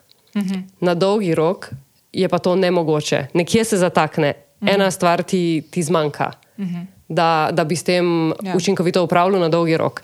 In zato je pomemben, da si pač to vse zapišemo. In pač v tem mojem programu jaz sem to zastavila na tak način, da, da tebe vodi od te prve točke, ko si napišeš dejansko stanje, da se sprašuješ, kaj ti je pomembno na kratek rok, kaj ti je pomembno na dolgi rok, srednjeročno, vse to si postaviš. Uh -huh. Potem pač govorim tudi ne, o, o, tem, um, o, tem, o tej možnosti prečasne upokojitve. Uh -huh. Če pač mi denar investiramo in nam naša sredstva nosijo nazaj dividende, najemnine, um, uh -huh. pač obresti na te, če imamo denar naložen v teh skladih. Uh -huh. Um, o moj bog, ali lahko nekaj rečem za tle, kje si ti meni, kot okay, sprememba mentalitete. Ja. Ker si ti rekla, ker smo se mi pogovarjali o stroških, pa sem ti rekla, da je moja najemnina, znesek najemnine je XY. Uh -huh. okay. In si rekla, da okay, je to tvoj strošek. Pa, pa, pa, sem, pa, pa sem se pa začela pogovarjati naprimer, o ciljih. In si rekla, da okay, je ključno, moj prvi tak cilj je, da si, pač, da, da, da, da si ustvarim dom z mojim partnerjem. Ne? In je rekla, ok, in naprimer rečemo, zdaj pogledamo mi dve tvoje prilive, da je ta približno, koliko si bi ti lahko prvo šla, da je tvoj kredit, ne, višina tvojega kredita, naprimer, comfortable, glede na trenutno situacijo, pa zelo rečem zadnjih 12 let, ko sem šla to gledati, ne, nekdo plača povprečno, je XX. Ne? In jaz ja. govorim, aha, in, in pol ti rečeš eno stvar, ki me se sula, sam nina, to ni tvoj strošek več pol. Ta znesek, naprimer, če zdaj tvoja najemnina, deva tako zaokrožiti, Jurija pa je potem tvoj kredit Jurija pa pol, je tako zaokrožiti. Jurija pa pol ni tvoj strošek, ampak je v bistvu tvoja investicija. Ja, tako. Ali lahko to razložiš? Um, ja, lahko. Pač, uh, mislim, ko mi živimo v najemniškem stanovanju, je to naš strošek. To definitivno ni investicija. Če pač kupimo hišo ali pa stanovanje, je to. Tvoje in pridobivanje na vrednosti v bistvu. Ne? Ja, pridobiva, na dolgi rok pridobiva. Mm -hmm. In to je tudi ena pomembna stvar, da če rečemo, da ko pride finančna kriza, tako 2009, ko so nam potem leta 2010 cene padle, recimo stanovanj v Ljubljani. Mm -hmm. Leta 2022 so bistveno više, kot so bile predtem, so 2008 padle. Mogoče spet živimo v tistih časih, ko, ko, padat, ko se pač um, ne, balonček raste. Mm -hmm. um, ampak kljub temu, dolgoročno mm -hmm. bo šla ta vrednost gor. Ja. In um, jaz ne pravim, da je nepremičnina edina in najboljši, edini in najboljši način investiranja. Um, je pa vedno tako, to so nas poučili na faksu, da pač um, moraš tu tveganje porazporediti. Uh mhm. -huh. Se pravi, da pač ne nosiš vseh jajc v eni košari. Ne, da to vse v kripto. to sploh, ker pač kripto je tvegana um, naložba, tako da ja, sploh jaz ne bi dajala. Pač, Na začetku. Velikih zneskov ja, ja. in ne na začetku. Ja, treba je dajati v stvari, ki imajo konstantne donose in ki imajo donose 40 let. Uh mhm. -huh. ne, če mi gledamo te sklade in kako tam deluje ta obrestno-obrestni račun, uh -huh. um, je to pač nekaj stabilnega. Ampak mm -hmm. jaz nikoli ne bi tudi samo to. Mislim, da je dobro imeti miks. Razpršiti. Ja. Tako, miks mm -hmm. teh različnih, zdaj um, kripto pa ja, jaz tudi um, zadnja leta pač se tudi ukvarjam z kriptovalutami, ampak um, v kriptovalute dam res zneske, ki mi niso pomembni skoraj. Ja, ne, da so tam, ne, ja, da jih ne pač rabiš. Ne, ker tisto je bolj tvegano. Ja, ne daš emergency funda v kripto, ne, naprimer, ne, primer. ne. Ja, Zato, okay. ker emergency fund je nekaj, kar pač ti želiš imeti na, roko, na dosegu roke. Na dosegu roke, in če kripto pade, uh mhm. -huh. je najbolj neumna stvar, da ti vzameš ven kripto, ko je mhm. -huh. nižje, kot pa kot si ga kupil. Mhm. -huh. Tako da, kar daš v kripto, je pomembno, da pač ostane v kripto, dokler vrednost ne zraste. Ja. In če ne zraste, pustiš. Ja. Ja. In če tudi malo pade, ni panike. Ja, Ampak, ja. se ne stresiraš. Ja. Ok, da mogoče zdaj le greva. Okay, zdaj, naredili smo tudi, kaj, kaj še ne pomeni tega, da um, si narediš neko realno sliko, da veš, kje si. Bajdo, jaz sem že v intro omenila, da uh, če grejo na tvojo spletno stran in se prijavijo z mailom, bojo dobili na mail en freebie in to je um, poenostavljen način, kako lahko tudi poslušalke in poslušalci beležijo svoje stroške in prihodke, in kako potem skozi različne kategorije, svoje, ki si jih postavljajo, vidijo, je, kje, kje se nahajajo, oziroma koliko procentualno je v kakšni kategoriji tizga. Ja, tako je. V bistvu um, ta freebie je zdaj kar v takšnem v Word ali pa PDF dokumentu. Uh, drugače, jaz pač predlagam, da se to dela v Excelu, uh -huh. uh, v Excel datoteki um, glede na to, da gre za številke, ampak ta um, freebie ima zraven, um, se pravi, uh, to, da, da si lahko vsak v pol ure, ko si lahko skupaj zloži vse svoje prihodke in stroške določenega meseca, uh mhm. -huh. si jih lahko razporedi v tri kategorije. Ena je kar stroški. Ki so nujni za moje življenje, uh mhm. -huh. druga je stroški, ki niso nujni, ampak sem jih imela v tem uh mhm. -huh. trenutku uh, v tem mesecu. Uh -huh. um, tretja kategorija pa je, koliko sem v tem mesecu. Um, koliko mi je ostalo? Koliko mi je ostalo, oziroma koliko sem pač dala za investiranje in za vrčevanje. Uh -huh. La, to je kar skupaj ena kategorija. In to je nek najbolj standarden ta budžet, plan, uh -huh. ki ga pač, um, se uporablja in je, bi naj bilo 50, 30, 20. Zdaj, jaz na mojih delavnicah govorim o velikih različnih uh, budžetih, zato ker pač vsak ima svojo finančno situacijo, vsak ima svoje prioritete. In pač jaz želim ljudem pokazati, da je tukaj veliko možnosti mhm. in zato pač par primerov, vsak si ga vse prilagodi. Ampak pomembno je samo, da ti na koncu dneva, um, da si rečeš, da tak. Um, Budžet, ki ga jaz imam, te odstotke, ki jih dam v določeno kategorijo, da je meni to ok. Ja. Pomembno je, da, da ti veš, da toliko si ti želiš, -hmm. da to kategorijo vsak -hmm. mesec. In pol je to vredno. Meni je to ful všeč, zato ker jaz sem naprimer, človek, ki sliši to, kar sem fulkrat slišal. 50, 30, 20. Jaz sem si mislil, 20 evrov, 20 procent dati investirati, a veš, naprimer, v investiranje ali pa v vrčevanje. Ne? In se mi je tako, meni je to zabetonirana stvar, bila vedno. Jaz, če sem nekega strokovnjaka, ali pa vedno je to, ko jaz nekega strokovnjaka, ki ga prepoznam kot strokovnjaka na nekem področju, um, slišim nekaj reči, jaz to vzamem zdravo za gotovo. In pa imam uh mhm. -huh. občutek, da ne more biti 18%, ne more biti 10%. 20 mora biti in Nina, ti ne moreš da 20, se pravi, propalica si. Veš, to je pri meni bil tam miselni yeah. Ja. in meni je full fine in zaradi tega tudi jaz doskrat, ko govorim o teh svojih stvarih, le to je pri meni ni nujno, da za vsazga. Za kjer koli stvar. Meni je full všeč, ko nekdo, ki ga jaz prepoznam kot strokovnjak, naprimer kot si ti zdaj tukaj, ki mi reče, lej, lahko je tako, lahko si narediš pa tako, da bo tebi udobneje, da je na, na način, ki ga boš ti lahko ponotranila, se lahko s časom te stvari višaš, lahko konec koncev lahko nižaš. Vse vidiš, to so žive, živi organizmi v navednicah. Uh mhm. -huh. Je res. Ja. Mm. Da je to, ja, se to, kar smo zdaj pri budžetu. Mi dve se bomo zdaj, na primer, lotili, jaz, jaz tudi tega se zdaj lotevam, presep. Uh mhm.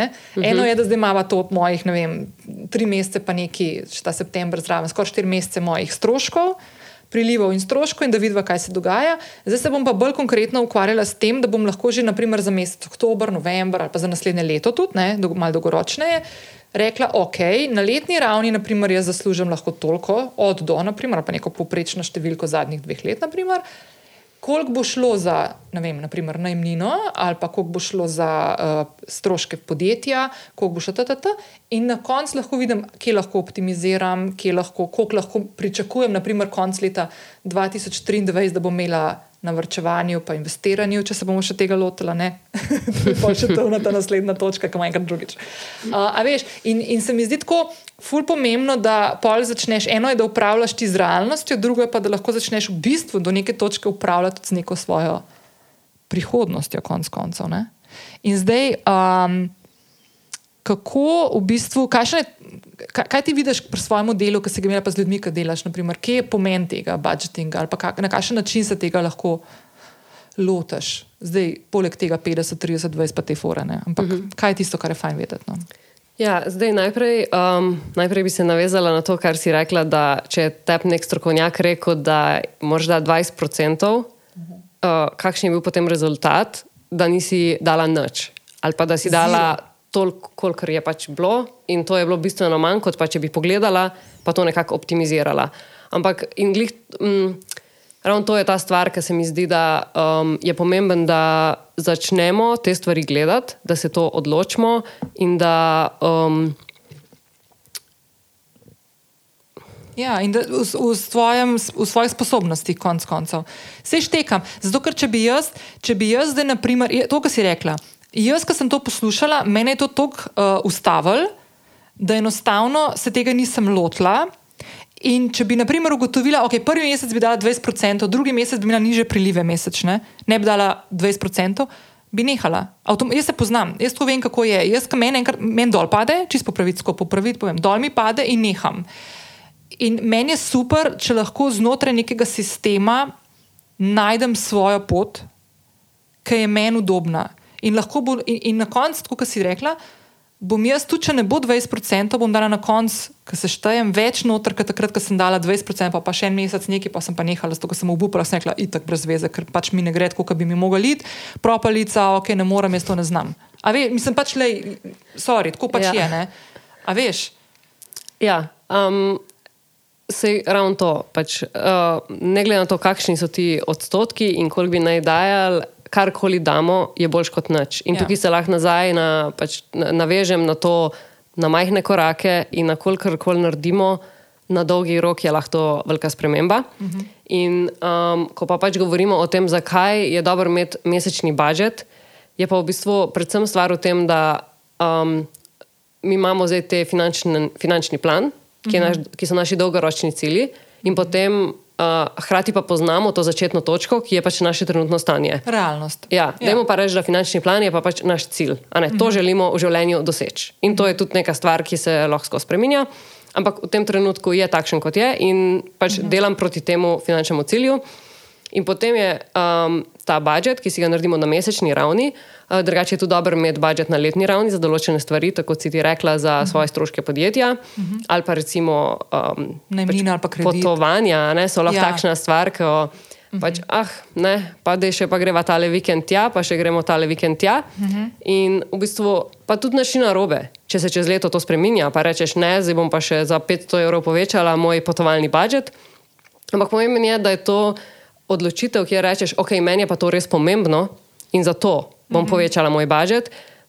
Ne pa da to pride, pač ja, ne, go with the flow, ne, mi gremo s flowom in pač po vseh kategorijah lahko povečujemo budžet. Ampak ja. da se spet navežem na to, da, um, da porabimo denar v kategorijah, ki so nam pomembne in tiste, kjer nam niso, niso toliko, režemo. Ja. In v bistvu vzamemo lahko iz tiste kategorije. Ne? To je pa tudi mesečni budžet, kar rečemo, ok, na dolgi rok si želim to. Um, na mesečni ravni danes si želim nekaj drugega za ta mesec, in to dvoje skupaj balansiramo. Balansiramo, kaj želimo zdaj porabiti in kaj želimo imeti za prihodnost. Uh -huh. In potem pogledamo, ok, te tri stvari so meni pomembne, te tri mi pa niso tako velike, ampak še vedno porabljam denar v teh kategorijah uh -huh. in bom te kategorije minimizirala, kolikor je možno.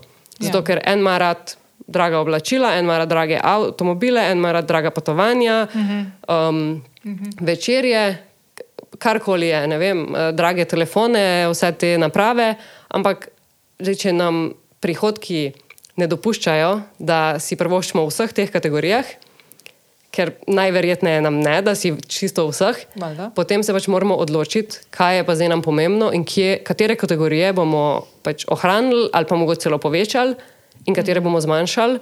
In v bistvu to je pa ta pač budžet. In v bistvu tudi, če si narediš budžet na mesečni ravni in potem na letni, um, imaš neko sliko in hkrati lahko se tudi odločiš, da ok, na dopust grem julija in avgusta, uh -huh. ampak imam pa nek uh, račun, kamor dajem vsak mesec denar za.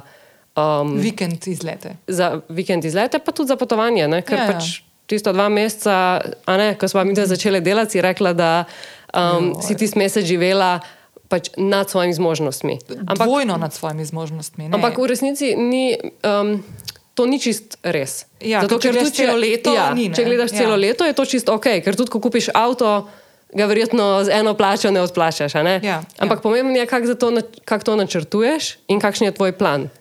Um, in da po možnosti, ne, če vzameš kredit za avto, je vredno. Ne? Če vzameš kredit za dopust, eh, to pa ni pač Ni več najboljša, um, Ja. najboljši način. Da gremo na dopust. Mislim, to se je včasih delalo, jaz mislim, da. Ja, pa se se isto, isto je več tudi tako- za darila za novo leto, pa za božička, pa te fore. Ne, Ja. si ljudje vza... ja, ampak veš, pa, ker, ker lahko tudi načrtuješ, ker veš, da pač vsako leto pridejo rojstni dnevi, pridejo nova leta, imaš nečake, whatever, ne kot jaz. Ampak ne, veš kaj, ena druga stvar je še, ki meni tle full fine. Um, prav ta dopust junina, ne, um, ki je tako res seku ven, ker so si pač res miho prvošla tako uh, mal, bolj, mal daljš. Um, če meni je bilo to stresno, naprimer, ne, Dopust. Ja, primer. Jaz sem kar tako iskreno povedala, se smo se to z Miho Zanč pogovarjali na podkastu. On bi tako skozi malo, sploh poletne, on njemu nikoli ni dosta, veš, in je to super. In jaz sem to taka, jaz bi tudi šla, valjda, meni je tako težko reči. eh, Tle pridemo do dveh točk, se bi s tabo rada zdaj pogovarjala. Eno je tako, a veš, to, da si ti cilje postavljaš, pa da si narediš ta reality check. Tukaj je neka um, iskrenost do sebe, uh -huh. da si naliješ čizga vina, brekala. Okay. Druga točka je iskrenost do teh ljudi, ki te obkrožajo, tvojih najbližjih, sploh tistih, s katerimi se imaš za pogovarjati take stvari, naprimer partner. Ja. Okay. Tretja stvar je pa to, ne, naprimer, da imaš partnerja, tako kot je moj partner, ki je meni zelo podoben, da on bi tako ful veliko hodil okrog in mu ni nikoli dosti, in zdaj, ki je bil COVID in ki nismo veliko potovali, ne, zdaj pa skozi pro, proval potovati, ne čim bolj. Ne. Um, in meni je bilo doskrat tako v, tren- v situacijah, jaz ko, sem se zalotila, naprimer, v prete, preteklih mesecih, da sem tudi rekla ja, pa sem videla, da bom imela mal. Da bom na tenko spiskala, ampak rekla, da okay, je kul, cool, ampak sem šla iz meseca v mesec. Naprimer, zdaj, ko pomislim, da bom delala budžet za naslednje leto ali pa naprimer za naslednji mesec in bom rekla, ah, naslednji mesec gremo pa tja, bom predvidela del svojega budžeta, mogoče za tisti mesec malo več za potovanje, zato ker nekam misel v id, skočiti, pa potem za leto 2024 to vključiti in začeti delati na tem. Uh -huh. In mi je totalno, kaj se meni tle zgodi in zarotira, pa se lahko ful smešen sliši. Ful, je to tako smešen, ker se mi zdi, da pri 44 letih take osnove, ampak klinc, tako je, to je realnost.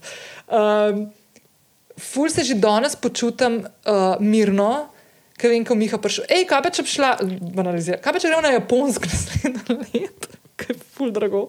Bom rekla, prav ne, a veš, ampak da je zdaj pa bom začela danes planirati. Ne, da mi reče to, ne vem, tri tedne prej. -huh. Že danes vem, da lahko se zgodi, da boš šla mogoče na kakšno daljše potovanje, ki bo mogoče draže, kot je bilo letos to, kar smo si. Uh -huh. A veš. In it's ok, ker to je tudi meni prioriteta, meni potovanje, pa to, da grem nekaj dobrega pojesti, pa to, to je meni vreden več, kot naprimer, da si kupim kakšno obleko novo. Tako da ja, tle je moja prioriteta bistveno večja, spomini pa ta odkrivanja stvari. Ne? ja, ampak to v bistvu, ne, če, če ti veš, da boš v določenih kategorijah porabila manj, pač je to, Ja. je to super in si lahko tudi mirna s tem. In tudi, um, meni se zdi, tukaj je tudi efekt tega, da začnemo investirati in da določen del denarja namenimo za svojo prihodnost. Ne, ker vse, kar bomo danes porabili, ne, moramo, ne bomo več imeli tega v prihodnosti. Uh -huh. In ko enkrat vemo, da mi vseeno vsak mesec nekaj naredimo za svojo prihodnost, uh -huh. Lahko tudi na potovanja, pa na vse ostale stvari, ki si jih prvoščimo, um, gremo z manj občutka krivde, tesnobe, strahu uh -huh. in lahko veliko bolj uživamo, če vemo, da lahko si izračunamo, ne, koliko bo pač z določenim donosom, koliko bomo mi prihranili v nekih skladih, uh, uh -huh. če bomo dali v ne vem. Um, tele uh, kriptovalute, kar sicer uh, mogoče ne. Malo težje veš, bo težje veš, Ja. ampak imaš določene, uh, ali pa če rečeš, da zdaj pa ne plačujem najemnine, pa imam pač svoje stanovanje. Pa lahko tudi veliko bolj mirno uh, tisti denar porabiš, ki ga imaš za dopust. In pač imaš, če imaš nek določen znesek, za katerega se odločiš, rečeš, to je tvoja odločitev, Ja. zavestna. Ja. Ej, um, ko govoriva mi dve o tem načrtovanju, um, postavljanju proračuna mesečnega ali pa letnega ali pa večletnega, se vse. Večkrat smo zdaj že omenili cilje. Ne? Pa me zdaj samo tako zanima, imamo kratkoročne, dolgoročne cilje. Okay, zdaj, tako, to, kar se mi zdaj pogovarjamo, dolgoročne cilje lahko nakup stanovanja. Ne? Ne? Ja, to je v bistvu finančni plan. ne. Ja. E, jaz kot dolgoročni cilj, ne, kot revizor, kaj je dolgoročni cilj že eno leto, kar je nad eno leto, je okay. Že dolgoročno. No. Tako da jaz rečem, v bistvu, da pri ciljih imamo vem, kratkoročne, srednjeročne in to bi bilo, da si na mesečni ravni postavimo točno določene cilje, specifične, in potem vsak mesec preverimo, če smo ga dosegli. Ja. In letne cilje, ki jih pač lahko pogledamo vsak kvartal, koliko nam gre, kje smo v zvezi s tem ciljem. Um, potem pa v bistvu imamo finančni plan, ki je pa ne, naš nek res dolgoročni 20, 30, 40 letni plan. ne. Okay. Kaj, kaj sodi pod kratko, kaj sodi pod srednje, pa kaj sodi pod dolgoročne cilje? Tako čisto za, za zbanalizirano, tako da si bo Ja. človek lahko predstavljal. Naprimer, primeri. Ja, lahko si rečemo, ne, da pač kratkoročni cilj da je to, da um, privrčujemo 200 evrov na mesec. Ja. Si- Ali pa 100 evrov. Bajdo je lahko tudi 50. No? Sej, veš, pa Ja. to, to zdaj govoriva o tem, pač Ja. ja. vsak si naredi svoje, ne, tu ni si naredi svoje. Ja, ja, Tako. Ja. Ja. Ja. Nekaj da daš na stran. Ja. Ali pa recimo pač tudi to, kar si ti zdaj omenila, ne, um, da si ne bi iPada zdaj kupila s tem denarjem, mm -hmm. ampak da si ga čez tri mesece, mm -hmm. to je tudi lahko tvoj kratkoročni cilj. Da daš nek določen denar na stran, mm -hmm. namesto da bi šla na tisto večerjo, ali pa mogoče si kupila neko obleko, da daš za to. To si zdaj rekel, kako ni na hod na une večerje, ki so vredni to, kot ti iPad. Ampak okay. Tako, ja. ja, ja. Okay. okay. Um, zdaj, potem, če imamo te srednje, dolgoročne cilje, ki so pač na letni ravni, a ne, je lahko tudi, mm, če rečemo, 100 evrov na mesec, da prihranim, ne 12 mesecev, mesecev zaporedoma, je potem logično, da je moj letni cilj 1200. Ja. Lahko je tudi letni 1500, pa rečem, tri mesece bom dala 200, pa ostalih mm -hmm. 900. Um, tako da to bi bil recimo primer cilja na letni ravni. Potem ena, ki je mogoče malo bolj, um, ki se dotaknem ene naslednje teme, je to, da lahko rečemo, da si želimo v določenem letu svojo neto vrednost povečati za določen znesek. Kaj to pomeni? Um, ja, to je pa spet, uh, se pravi, kar je pomembno, v bistvu, da vemo, je, koliko je naša neto vrednost. A, To koliko ni neto plača. To ni neto plača. Okej, to je, koliko smo težki, ne, ali pa lahki okay. v finančnem smislu. In tukaj govorimo o tem, da si pač um, vsa svoja sredstva, ki jih imamo, nepremičnine, denar, tudi konec koncev avto, karkoli, uh -huh. investicije v Bitcoin, v uh -huh. uh, sklade in tako naprej. To si vse napišemo, potem si pač zračunamo tudi, koliko imamo pa obveznosti. A ne, to pa govorimo pač o nekih kreditih, uh -huh. um, ker lahko imamo kredite za stanovanje. A Ne, mislim, imamo vrednost stanovanja, potem pa moramo odšteti kredit, tisto, kar še ni naše. Uh -huh. uh, to je logično. In potem, ko to zračunamo, vemo, pač, koliko koliko je naša neto vrednost. Uh -huh. In ta neto vrednost je pomembna v tem smislu, ker je spet tako kot takrat, ko um, si beležimo prihodke pa stroške, je pri neto vrednosti tako, da v bistvu jo najlažje povečamo, spremenimo, če že vemo, kakšna je. Ne vemo, kakšna je, in potem si lahko damo letni cilj, da jaz bi pa rada imela ne vem, 5000 evrov večjo neto vrednost Na na, koncu letu. tega leta. Aha, okej. pač ja, na koncu enega leta, v 12 mesecih. Um, ali pa recimo, če kupimo stanovanje, pač imamo ponavadi, če imamo kredit, imamo nek načrt odplačevanja in potem si damo cilj, da to, um, si damo cilj, koliko bomo v tem letu odplačali kredita. Eno vprašanje imam, zdaj, ko sem glih na kreditu, pa razmišljanju kredita. Pa glede na to, da sem zdaj enega odplačala predčasno za avto. Um, to se mi zdi tudi pomembna stvar. V bistvu. Jaz sem zdaj avto prodala, pa imela sem rečemo še 500 evrov CCA za odplačati. Uh Mhm. -huh. V bistvu bi ga januarja 2023 odplačala po rednem procesu, rečemo temu. ne. Um, koliko je smiselno te stvari narediti, da odplačaš prej? Ali pa da imaš, naprimer, ti, naprimer, naprimer delaš letni proračun. Uh, Plan si, ne? naprimer, leta 2023, Nina bo šla na banko, draga banka, poslušajte, ker bom prišla, potrkati za stanovanski kredit. Ok, kul. Cool. Nina si vzame in dobi kredit, rečemo, da se zgodi, fule in več čudež in dobi točno to, kar si zaželi. Okay. Ja. Okay, cool. Super. Super, ja. In Nina bo imela, z tretji besedi, o tretji osebi govorim. Naprimer, bom imela, naprimer, naslednje leto si bom dala v svoj uh, budžet oziroma načrta, ne, si bom dala, naprimer, da bom imela uh, 8 jurjev, rečemo, ajde, ali pa 10 jurjev, reče 10 jurjev uh, na letni ravni bom imela kredita. Uh -huh. Naprimer. Fakt, je formal. Aha, ne, 10 jurjev, ok, kul, cool. 10 jurjev. Ja, šit, zdaj sem se začela razumeti, kako, kako, čak, kako mi to pol. Okay. To je čisto v redu. Je čisto v redu. 10 Ja, ja. je čisto v redu. 10 jurjev bom imela letnega kredita. Ok, super. Um, koliko je smiselno, naprimer, da jaz, če vidim, da mi bo skozi leto nekje ustal, pa rečem, ok, dva jurja mi je ustal, bom jaz dva jurja dala in plačala in dala na kreditno račun, whatever, da mi še za dva jurja potegnejo dol. A je to dobro delati? A kdaj je to dobro narediti? A je, to, a je sploh to glupo vprašanje? Ne, ne, mislim, da ni glupo vprašanje. Um, je pa tako, da to je odvisno od primera do primera.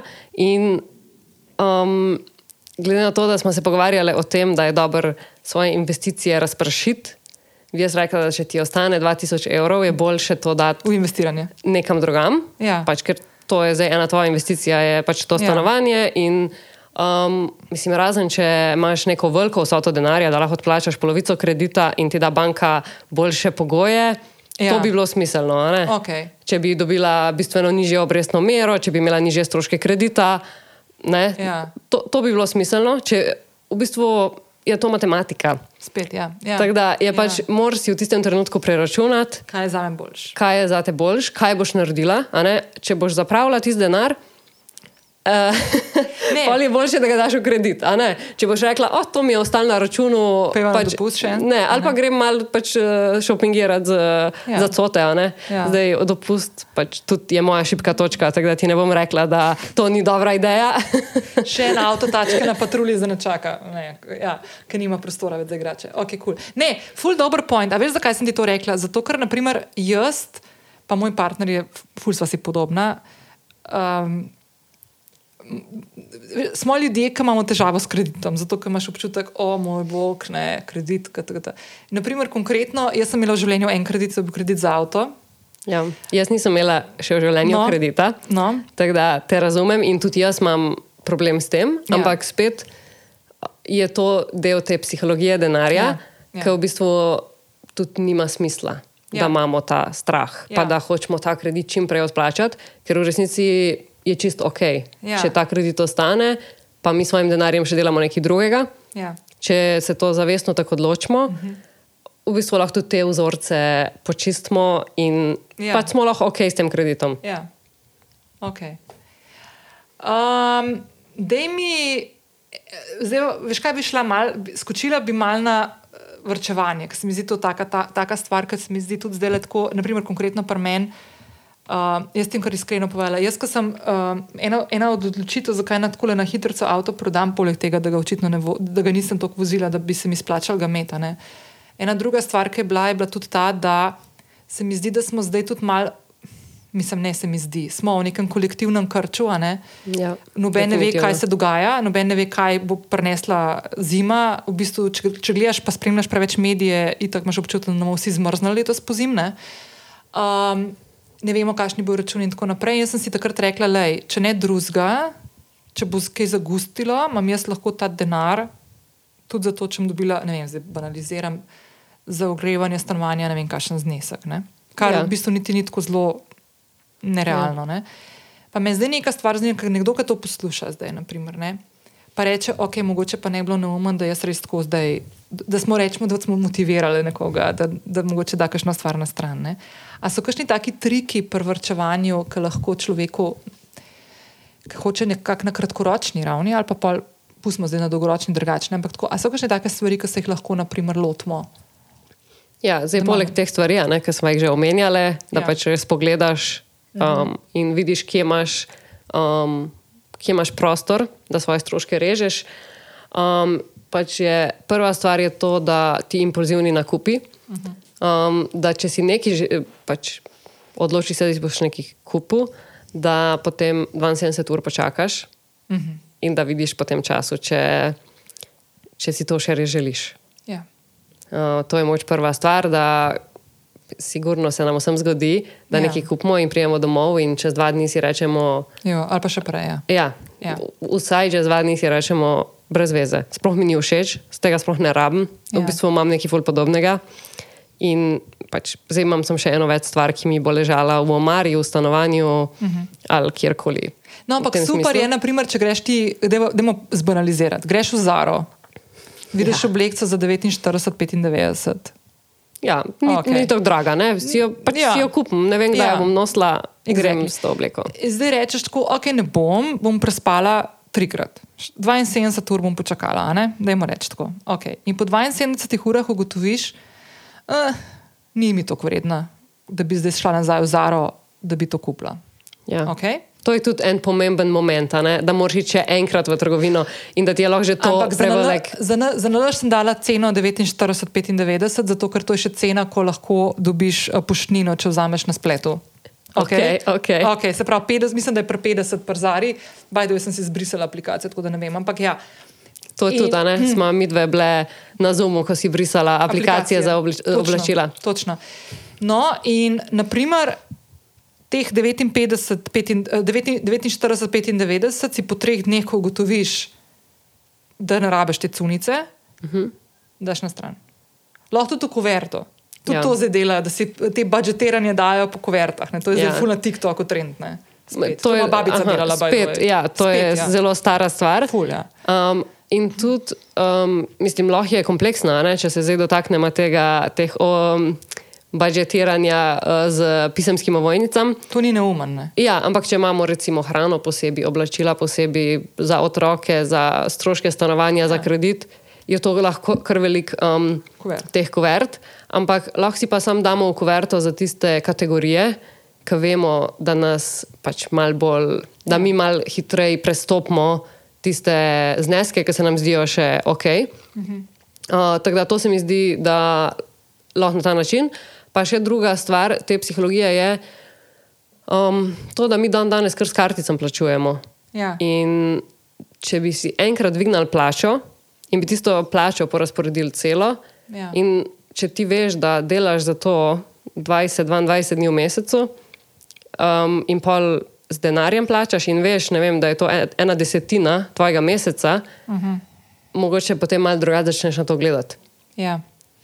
Čeprav ne, ful je zanimivo, ker um, ravno zato, ker s karticami, jaz, naprimer, zdaj v zadnjih, naprimer, konkretno, jaz sem bila zdaj, ker sem bila junija z Miho, ko so šla na potovanje v dvotedensko na road trip. Ne? To je bil moj prvi dopust, ker nisem enega evra v kešu dala. Uh -huh. Vse je bilo na kartici, zato sem tudi točno vedela, koliko sem zapravila. Uh -huh. Točno, da nisem v listke tam dajala, sem pa tja. Um, v bistvu imaš ti lahko kuverto, če rečemo za vrčevanje, naprimer, da je kategorija vrčevanja, imaš ti lahko kuv, digitalno kuverto, tvoj vrčevalni račun. Ja, tako. Ne? Se pravi, kaj pomeni, če se vrnemo nazaj k oblekci iz Zare, teh 49-95, ne, lahko zaokrožiš na 50. Ajde. Daš direktno na vrčevalni račun, in dva tedna se mi zdi, ne vem, ali en teden ne moreš dostopati do teh 50 evrov. Ti si jih tako v glavi že zapravil, ker bi jih lahko tam na, na šalterju dala, tako je pa zapravila. Ne? Ja, Tle jih pa daš, če boš rabu, boš še vedno lahko. In v bistvu lahko daš emergency fund. Ne? tako. Ja. Ne? Tako da v bistvu kuvertico imaš lahko. Ne. Lahko imaš tudi digitalno Digitalna kuvertico, ne? kuvertica, lahko ne. imaš Ja. fizično, Ja. lahko imaš pa tudi digitalno. Ja. Ja. Ker jaz se poznam fizično, kot to pa zgleda. Mene tam v pisarni, ko verto, pa noter keš, pa, pa tako, le v čevlje, da grem to iskati. A veš, ne? Tako čisto mogoče tako, ne. Ja, digitalno. ja, za kakšne ljudi, ki so mogoče malo, ki znajo biti tako malo bolj labilni, tako kot sem jaz. Ne vedno, pa imam obdobja, imam obdobja tudi. No. Uh, pol, pol je v bistvu. Lej, jaz ti povem po pravici, če ne bi zdaj s tabo tole delala zadnje tri, tri mesece, uh, po mojem, jaz ne bi imela zdaj denar na vrčevalnem računu, oziroma ne te višine. Res, ker bi sigurno en del te kupnine od avta šla za gond. Ja, Resno. Ampak si, uh, zato, ko govoriš, uh, a ne, na kak način si gledala, da moraš narediti prostor, pa to ne. V bistvu um, mi moramo biti odgovorni s svojim denarjem. Tudi če, ne glede na to, kakšna prepričanja imamo, um, če je vedno, če je vedno sam vse, kar pride, gre, to pomeni, da pač nikoli ne bomo nič imeli in vedno bomo pač v tem začaranem krogu, uh -huh. ker mi lahko bistveno več zaslužimo in lahko tudi bistveno več porabimo. Ja. In, in si v krču. In, ja, in to je in- tisto, kar si rekla, da ima lahko nekdo ful velik uh, keša na računu, pa bo še vedno imel občutek, da ga nima. Ne? Ja, zdaj, Ker- tam ja. je lahko več stvari. a ne. Lahko je tudi to, da si ne upa investirati, pa ima tisti denar. Pa, Pa lahko, je, ja, lahko je tudi, da pač enostavno občutek, ki je neracionalen in ima nobene veze z realnostjo. Um, lahko je pa pač tudi ta opcija, da um, pač mi enostavno. Um, da moramo pač eh, slediti nekim tem orodjem uh -huh. in da stvari, da imamo, da imamo pač nek nadzor nad temi stvarmi. Ker, ne, če, če govorimo o tem primeru, da um, nekdo veliko zasluži, pač hitro se vsi navadimo na boljše, da imamo Ja, večje, boljše. Ja. Ja. Ampak v tem smislu, da eh, takoj lahko si kupimo boljši avto. Um, pač gremo v dražje restauracije, si kupimo uh, znamke oblačil, ki pač nastanejo bistveno več, kot so nas prej. Ja. In zato, če nimamo tega, da pač te stvari spremljamo, smo lahko vedno na tak način. In zato, mislim, jaz razumem, zakaj se je tebi to zgodilo, da si zdaj privrčevala in da če ne bi temu posvečala pozornosti, Ne bi. pač ne bi imela zdaj tega denarja na strani. Ne, ne. Čeprav si imela en velik priliv. Ampak takšen priliv lahko rečeš, oh, zdaj pa nisem ne vem koliko časa Noč si si prvoščila in si bom zdaj. a ne? ja. Kar Pa the way, me je odnašal. vidiš, te je odnašal. Me je odnašal. Lahko pa še mogoče pač deliš ti svoj primer, ki si že varčevala. Aha, ja, ja lani. Ja. Ja. Jaz sem lansko leto, ne. Ja, 2020, leto 2. To, je, uh, v tem sem čistko za trek rekord, ne, da bomo konsistentni. Jaz sem to, se mi zdi, dala v podcast, bom našla, bom našla ta podcast, pa ga bom polinkala v zapis epizode, kjer bom itak dala vse stvari, ki smo jih zdaj skajo, govorili tudi link do njene strani, spletne, do njenega tečaja, do freebija, ki ga lahko dobiš in tako naprej, pa ki jo lahko spremljate. Ampak se mi zdi ful pomembno, da vidite tudi to. Jaz sem leto 2020, ko smo ga začeli s COVID-om, ker sem itak rekla, da sem mislila, zaprla podjetje in bila čisto drami.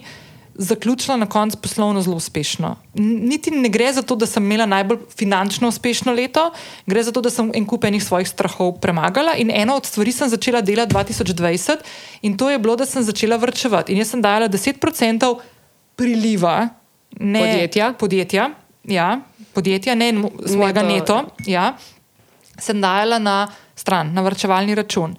In sem imela v vstopu v 2021 zelo lep znesek na vrčevalnem računu, ne? in sem hotela to dinamiko imeti tudi naprej. In kaj se je zgodilo? Eh, Zgodilo se je to, da sem šla leta 21, se pravi lani. Meni se je zgodilo, pol, da sem uh, z Miho začela odnos, Miha polet, uh, valjda dopusti čim več zunit, kot je rekel, ker so se pogovarjali o 136 epizodi, pač da je vedno moj premal polet biti zunit, pa okrog ne. In valjda smo šla na počitnice, prve najne skupne počitnice. Imela sem pa še eno situacijo, ker nisem dobila plačanih računov, kot je bilo načrtovano, se pravi, nisem imela tistih prilivov, ki sem jih načrtovala, ko sem se zmenila za dopust, in sem potegnila cash ven iz vrčevalnega računa. In kaj se je zgodilo? Ker sem ga prvič vam potegnila, se mi je podaril sistem.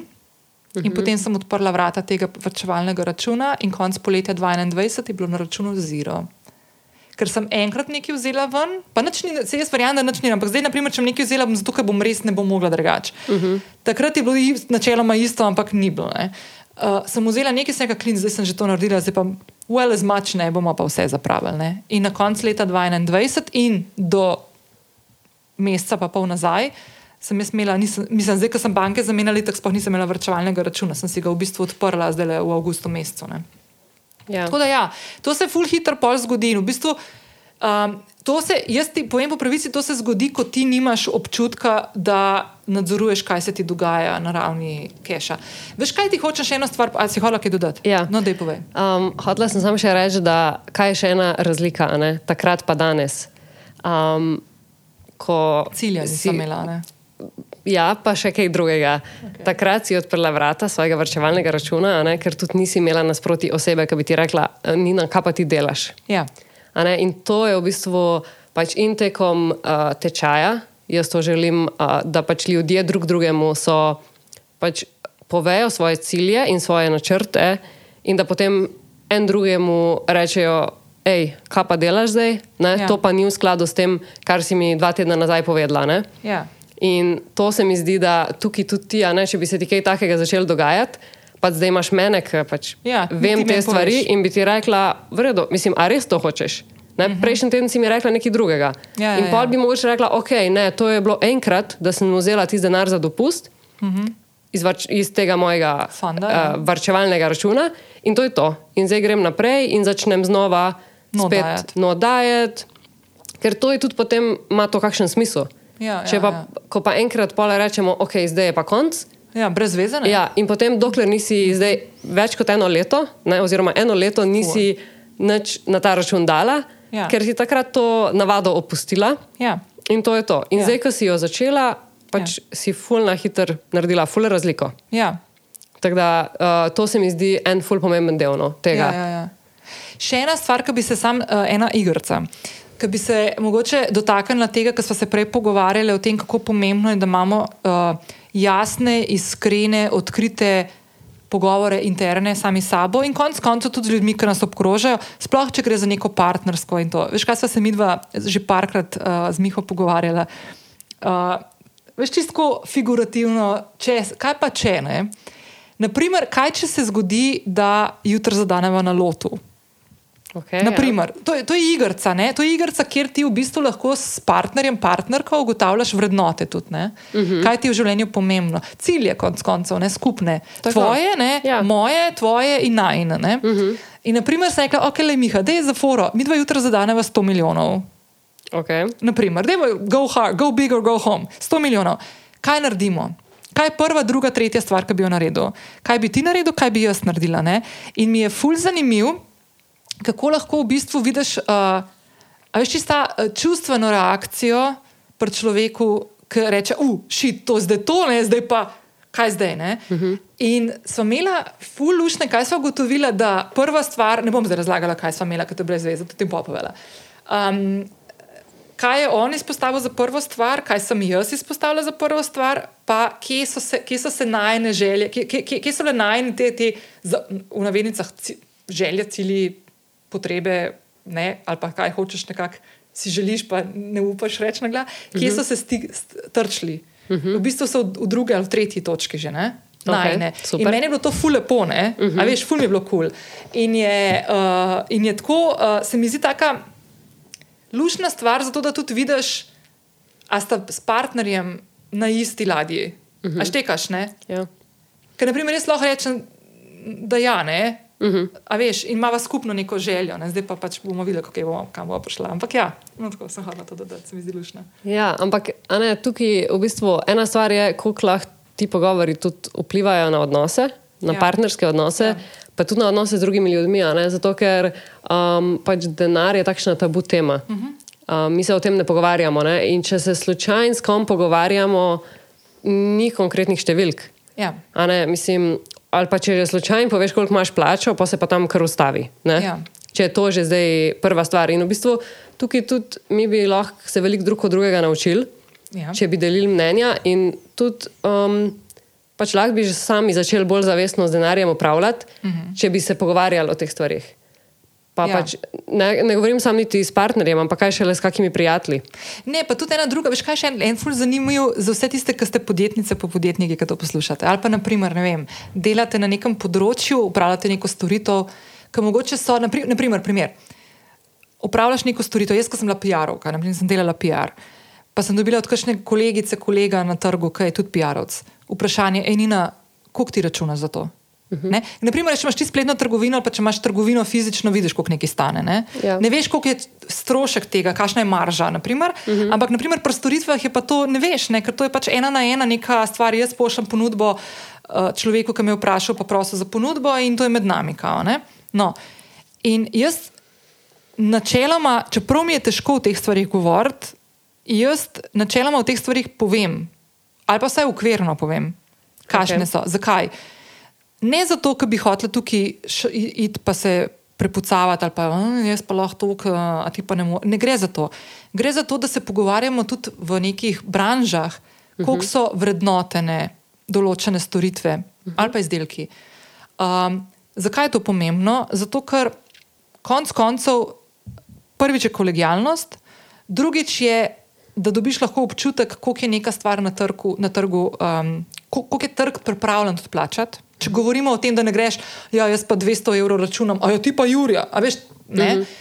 Pa konc koncev, dajmo tudi ne dumpinga delati. A veš, ne? Ja, Sprav, ne rabiš dati dumping, ne rabiš dati najnižjo ceno, lahko, lahko daš višjo. Uh -huh. Konec koncev lahko s tem pomagaš nekomu, le pre, prepocen se prodaš.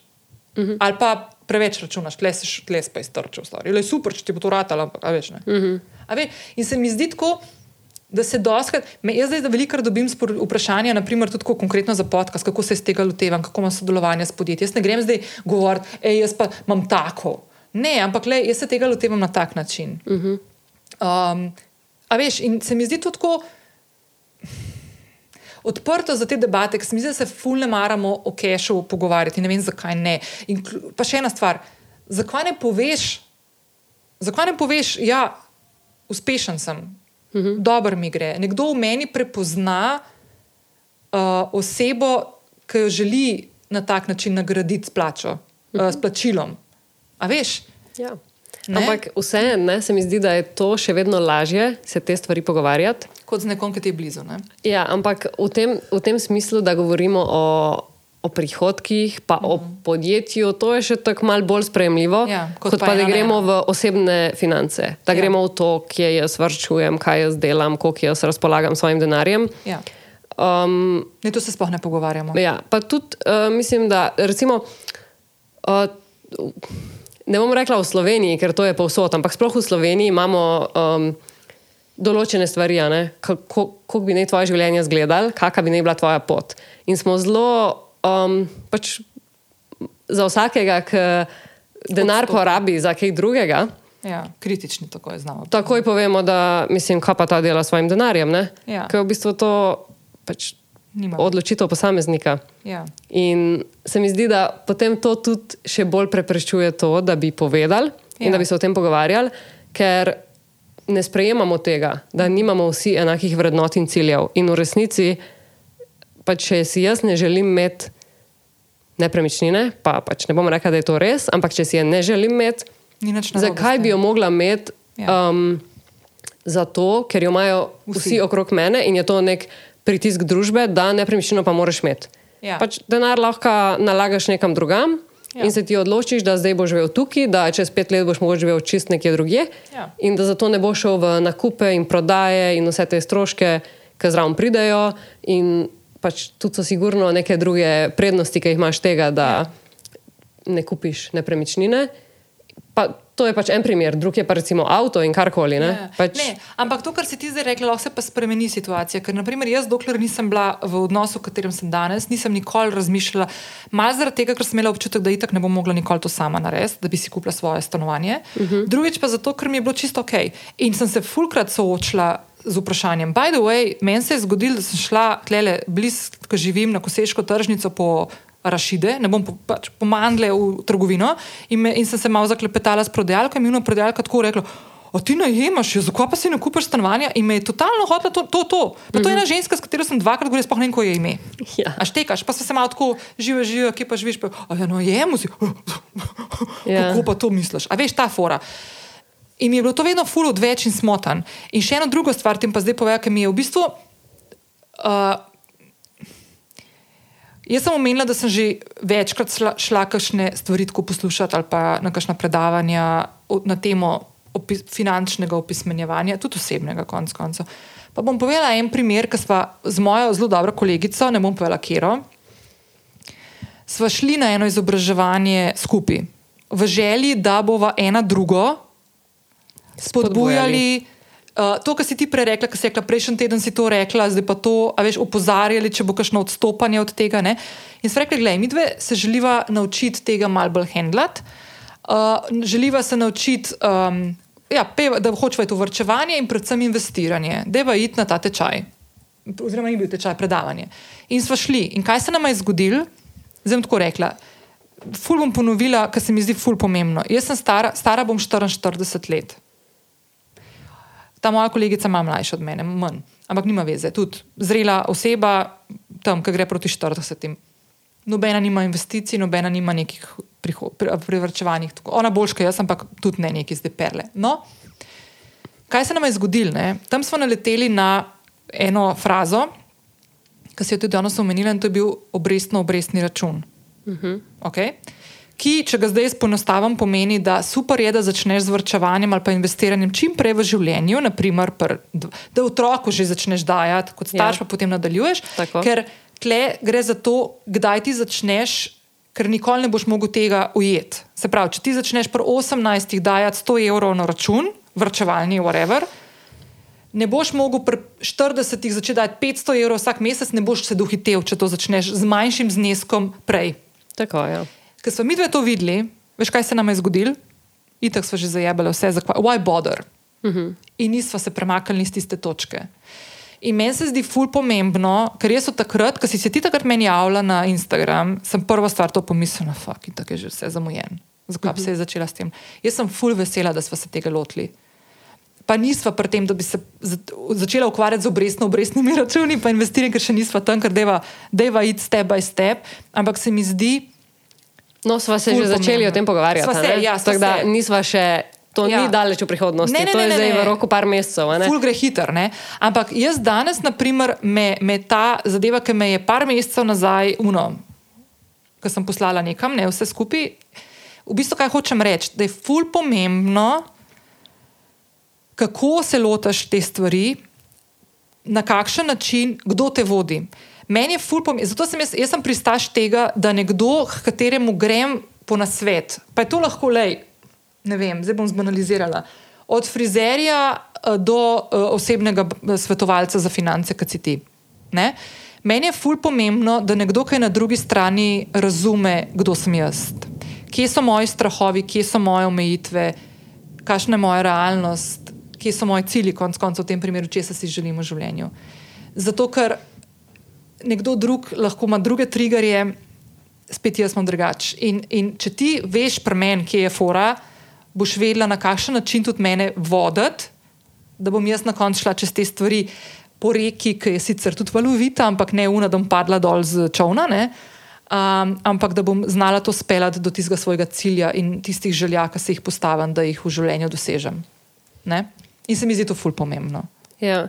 Zdaj, če se najprej nazaj navežem na tale, ne, da ti je tule ena ženska, ki si jo dvakrat videla, rekla, kako ti najemaš. Ne? Ja. Um, mislim, ne smemo pozabiti, da um, hm, re, re, rečemo v 90-ih. Ja. Je uh, v Sloveniji veliko ljudi dobil svoje stanovanja, ki je bil ta jazbinškov zakon, ja, ja, in ko si najemu, si dobil stanovanje po Nižji ugodni ceni. Ja. In da to za, za nas zdaj, to ni ista stvar, kot je bila takrat. Je ja. to veliko več planiranja in je veliko težje. In to ni ena stvar, ki jo lahko čez noč naredimo. Ja. In jaz tudi, pač, če pomislim, da bo to kredit za 20 ali pa 30 let, se mi mar s tem ni pred očmi. Um, tako da mislim, da um, ljudje, ki imajo stanovanja iz tistega, iz tistega časa, pač to težje razumejo, ja. te pač neke izzive, ki pridejo s tem um, dan danes. Ko pa pridemo na ta drugi del, na obrestno obrestni račun in na investiranje, ja, v teoriji pač je bistveno boljše, če to začnemo delati pri 25 letih ali pa če začnemo to delati za otroka. Ampak nikoli ni prepozno, uh mhm. -huh. in pomembno je, da pač začnemo čim prej. Ja. In kadarkoli to je, in nikoli ni prepozno. Zato, ker pač v katerem koli trenutku to začnemo delati, um, lahko prenese rezultate. Ja. Jih bo, ja. sigurno. Ja. Veš, kaj bi jaz? Še mogoče Povej. to, da um, v bistvu je najslabša situacija ta status quo. Ja. Najslabše je, pa go with the flow. Ja, ampak da ostanemo, da rečem, ja. ok, zdaj. Ne, zdaj sem stara 44, ne, v tvojem primeru. Zafrkano, zdaj je konec. Ja, mislim, res. Mislim, a se ti zdi to realno, da na tak način pogledaš na stvari. Ja, A ne, Zato, ker je tist- sebe, ne. Ja, ker je tisto obrestno obrestni račun, ki ti pokaže, da če med 25 letom in um, 32 v sedmih letih daš noter 2000 evrov na leto z nekje 7-8% donosom, prideš na nekje 900 tisoč evrov. Konec. Čez 40 let. Ja. In to te potem, ok, zdaj pa to ne morem več. Ja. Ne, ti še vedno lahko 20-30 let, ne? še vsaj 20 lahko noter daješ. a ne? Oh, valjda, upam. Um, in pač tudi to, ne, ni, mislim, da je reč, da tukaj ta, ta primer, ki sem ga zdaj povedala, ne, je pač nek, uh, v teh krogih nek idealen primer, da daš 14 tisoč evrov in da dobiš blizu milijona. Ampak moramo vedeti, ne, kakšna je inflacija v 40 letih Ja. in da to takrat. Ne, ne, boš, če- ne če bo sem- milijon današnji. Tako, če, bila jaz danes, če bi jaz bila danes 25, a ne, kar nisem, Ja. ja. in če bi pri 65 rekla, to, to bo nekaj čist druga ta vsota pomenila, Ja. kot je pa danes. In Ja. ja. to je tudi ena stvar, ki jo moramo upoštevati. Ja. Če, če želimo na to pogledati, tako je. Ja. Ne pa, da si rečemo, zdaj sem zamudila to, ampak boljše je karkoli, kot pa pač ostati, kjer Ja. smo in se ne premikati in naprej porabljati denar. To je pač najbolj enostavno. Ja. Ni Ne, pa najboljša rešitev. Ni pa najboljša. In zdaj tudi ena, veš kaj, um, jaz bi se še dv- dveh stvari dotaknila. Um, ful je trendovsko, oziroma ful se pojavljata dva, uh, dve zadevi. Uh, tudi na družabnih omrežjih, oglasi, ki ti skačejo, in tako naprej. Ena je finančna neodvisnost, Ja. kva to hodiča sploh pomeni, pa druga je, kar smo že malo omenili danes, predčasna upokojitev. Pa kaj hodiča to pomeni in kako sploh si to lahko narediš, pa v Sloveniji, ker penzi pa je ne bo, pa upokojitve, ki bomo skozi delali. Ne? Kaj je to sploh, je to realno, je to mit? Eh, Pa deva je že Slovenijo, ker zdaj mi to je ful veliko, dobimo od američanov, angleže pa to. Pa, veš, jaz fura, da tako gledam, tako, mi smo tle malo poseben, ne da smo čist drugi vesolci, ampak tako, ne, dajmo za Slovenijo. Kaj to pomeni, kaj to sploh pomeni? Mislim, mogoče ne. Um, jaz mislim, če pogledamo um, okolje, ameriško, ne, kjer pač so odgovorni sami za pokojnine, za zavarovanje in za vse to, je še teže kot pri nas. Ja, ja. Jaz bi rekel, da je to pri nas še lažje. prav, ja, in ja. jaz vidim, jaz vidim v Evropi veliko tega gibanja že, -huh. pač tudi. Um, Tudi zdaj med prijatelji že vidim, da že pač razmišljajo o tem. Ne, tam pri 35 že razmišljajo o tem, kdaj bi se pa lahko upokojili. Ja. Če zdaj, pač jaz imam prijatelje, ki predvsej, ki nimajo nepremičnine. Ja. A Ne, recimo zdaj, jaz, ki sem v Luksemburgu, govorim to o nekem francozu, um, ki zelo agresivno investira, sicer živi v Švici, tako da pač, um, ne, ima prihodke bistveno više. Ampak ima tudi stroške više. no. Ima tudi stroške visoke. Ja. Ja. Nima nobene nepremičnine, ampak agresivno vlaga v sklade, v posamezne delnice, uh -huh. um, v pač, kriptovalute. Res agresivno, pač jaz sem kar mal, oh, wow. In on sam, pač vidim, da to gleda, ampak to bi bilo v Sloveniji isto. Se pravi, um, to, da mi govorimo, a ne, ta mit, to je en mit. Ja. Um, finančna neodvisnost in prečasna upokojitev. Ker v bistvu, če si ti finančno neodvisen, se lahko upokojiš. Ja. Ne, ker to pomeni, da te tvoje sredstva prenesejo vsaj toliko, kolikor imaš ti stroškov. In namesto da živiš od, tistega, od tiste pokojnine, živiš od teh prilivov, ki jih dobiš na mesečni ali pa na letni ravni. Ja. Um, in ne, mislim, lahko je, da se ti upokojiš eno leto prej, Ja. lahko pa da se upokojiš deset let prej. To ima pač vsak. Um, Ja. ni mit, ampak če nismo tako zelo uspešni v tem, se mogoče ne moramo veliko prej upokojiti, kot bi se pa drugače. V tem smislu. Ja. Mi pač samo moramo v bistvu vedeti, mislim, v vsakem trenutku lahko vidimo, um, kdaj bomo imeli dovolj sredstev, da se bomo lahko pač predčasno upokojili. Okay. In mogoče je to pri 60, namesto pri 62 ali Ja. pač kakorkoli je že to. Okay. A ti to zase, uh, kaj delaš na tem? Tako? Ne, te um, boljsko vprašala. Kaja, a ti misliš, da bi mi dve, naprimer, čez kakšno leto, mogoče leto pa pol, dve, se usedli spet kole na podcast in rekli, ok, kako se tega sploh lotiš? Kako, ve, kako veš? Ker zdaj, kar sem jaz po, po, sem poslušala, je v bistvu se vrnemo nazaj na te Excel tabelice. Ja. Ti moš točno vedeti, kaj tvoje tak. življenje od tebe zahteva, kam ti gre denar, zakaj ga zapravljaš. Zato, da si sploh znaš preračunati, naprimer, v enem letu rabim toliko, aha, med moram toliko, da lahko govorimo o finančni neodvisnosti ali pa o pokojitvi. a ne? Točno. Je res. Tako. Se pravi, če zdaj jaz ko pomislim, ok, rada bi šla v penzijo pri 55, sprav rečemo, čez 11 let bi se rada upokojila. Uh -huh. Do takrat moram kaj narediti. Kaj moram, veš, da greš ta reverse engineering, Tako. delaš v bistvu. ne? Ja. Kaj narediti, pa rečemo, da bom živela, da bom vsaj, da upam, živela do 90 leta starosti. Rečemo, uh -huh. Kaj to pomeni za me? Koliko moram imeti prevrčevanja, koliko moram imeti v nekih skladih, kakšna je ta dono, ali pa ne vem, delnicah, se vse, ali pa nepremičninah, ali pa karkoli, ali pa v kripto se vse. Koliko od tega računa, zato si znam preračunati te stvari. A, misliš, da bi ti to mi dve enkrat lahko se malo tega zaforalo tle? Ja, po mojem, da se lahko. Okay, to je mogoče en izziv za obe naju. Da, okay, zdaj mi dva postava, zdaj grem nazaj na mene. Najprej postava budžete, bo začela zdaj delati, pa te cilje bo začela uresničevati, pa se bo začela pa s temi stvarmi. A ja, pa investiranje. Cilje si že postavila. Cilje Ne, postav- ne, nisem da v mislila bistvu obkljukavanje Si že, ja, ciljev. si že Ja. pri um, uresničevanju. ne? Tako je. Tako. Daj mi sam še povej, uh, a je še kakšna stvar, ki imamo zapovedati? A smo kaj pozabili?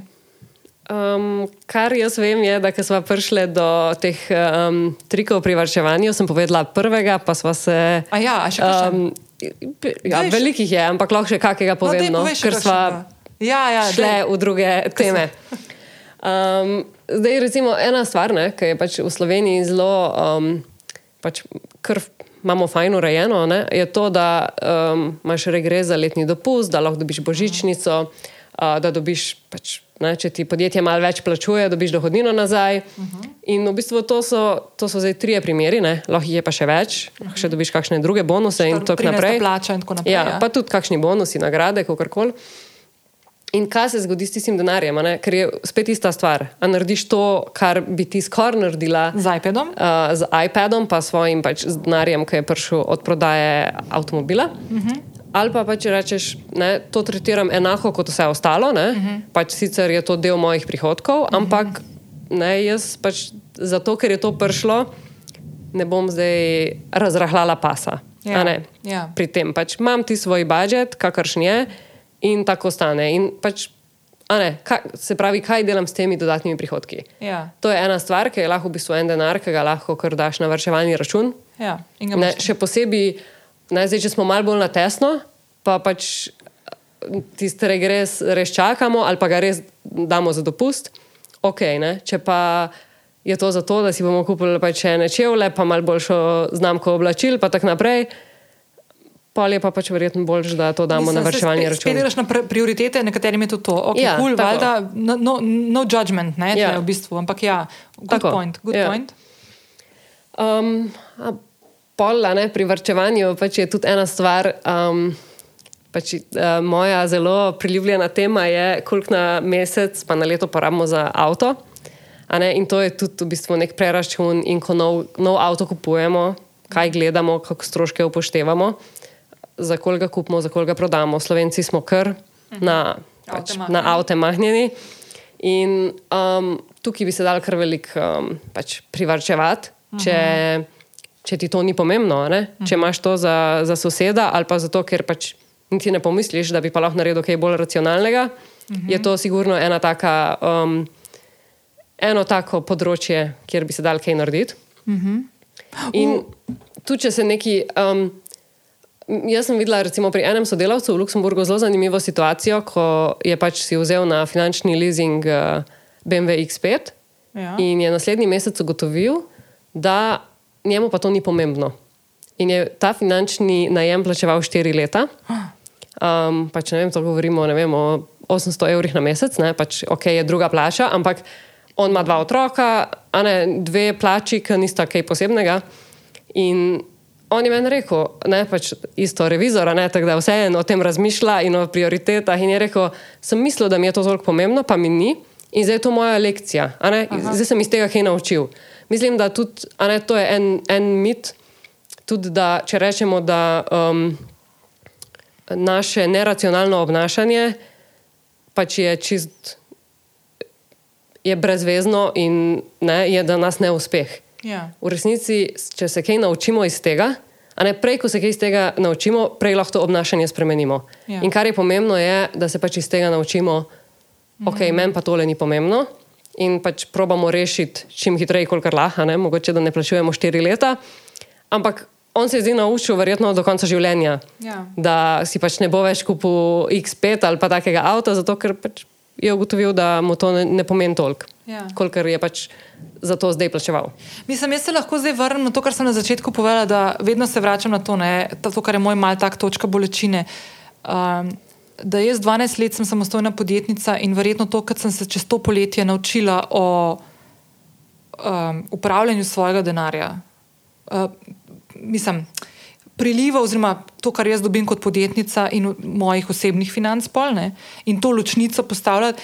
To, kar sem se zdaj skozi to pa rečla, da smo šele dobro zakorakali noter, ne, se nisem v 12 letih prej. In mi je, ker mi dve smo še pol en kup enih drugih stvari začeli odpirati, ki mi pomagajo tudi pri drugih stvarih, um, ki danes nismo niti umenili, pa bo enkrat drugič mogoče.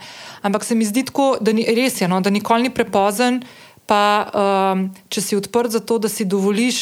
Um, Ja, tudi posud, konec koncev, spepelo pa reče, eh, klinc, do zdaj sem bila malo naivna, pa tako, v redu je, good, zdaj, pa, zdaj pa naredimo nekaj, da bomo to spremenili, pa da pa greš v to neko aktivno, ne da, ne da si v, pasivni, um, v pasivnem položaju, ampak greš v neko aktivno vlogo reševanja stvari ali pa učenja, uh -huh. spreminjanja vzorcev, da dejansko je to ful dobro. No? In, in je nujno. Ne?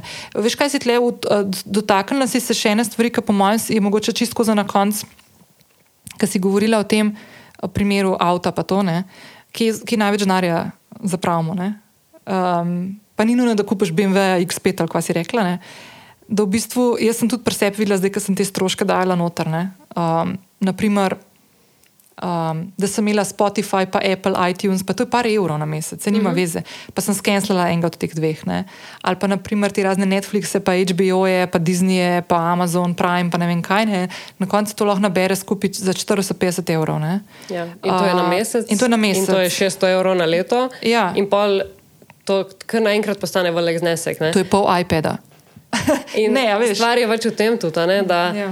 um, pač, da se moramo to vprašati tudi s korakom nazaj, da pogledamo celo leto. A Ne, Ja. Ker ko gledamo vse, samo 10 evrov, tukaj 10, 10, 10, Ni, ne vidiš se nalaga. a ne. Zato, Ja. ker pač danes je vse po 10 evrov. Ne? Ja, ja, ja, ja.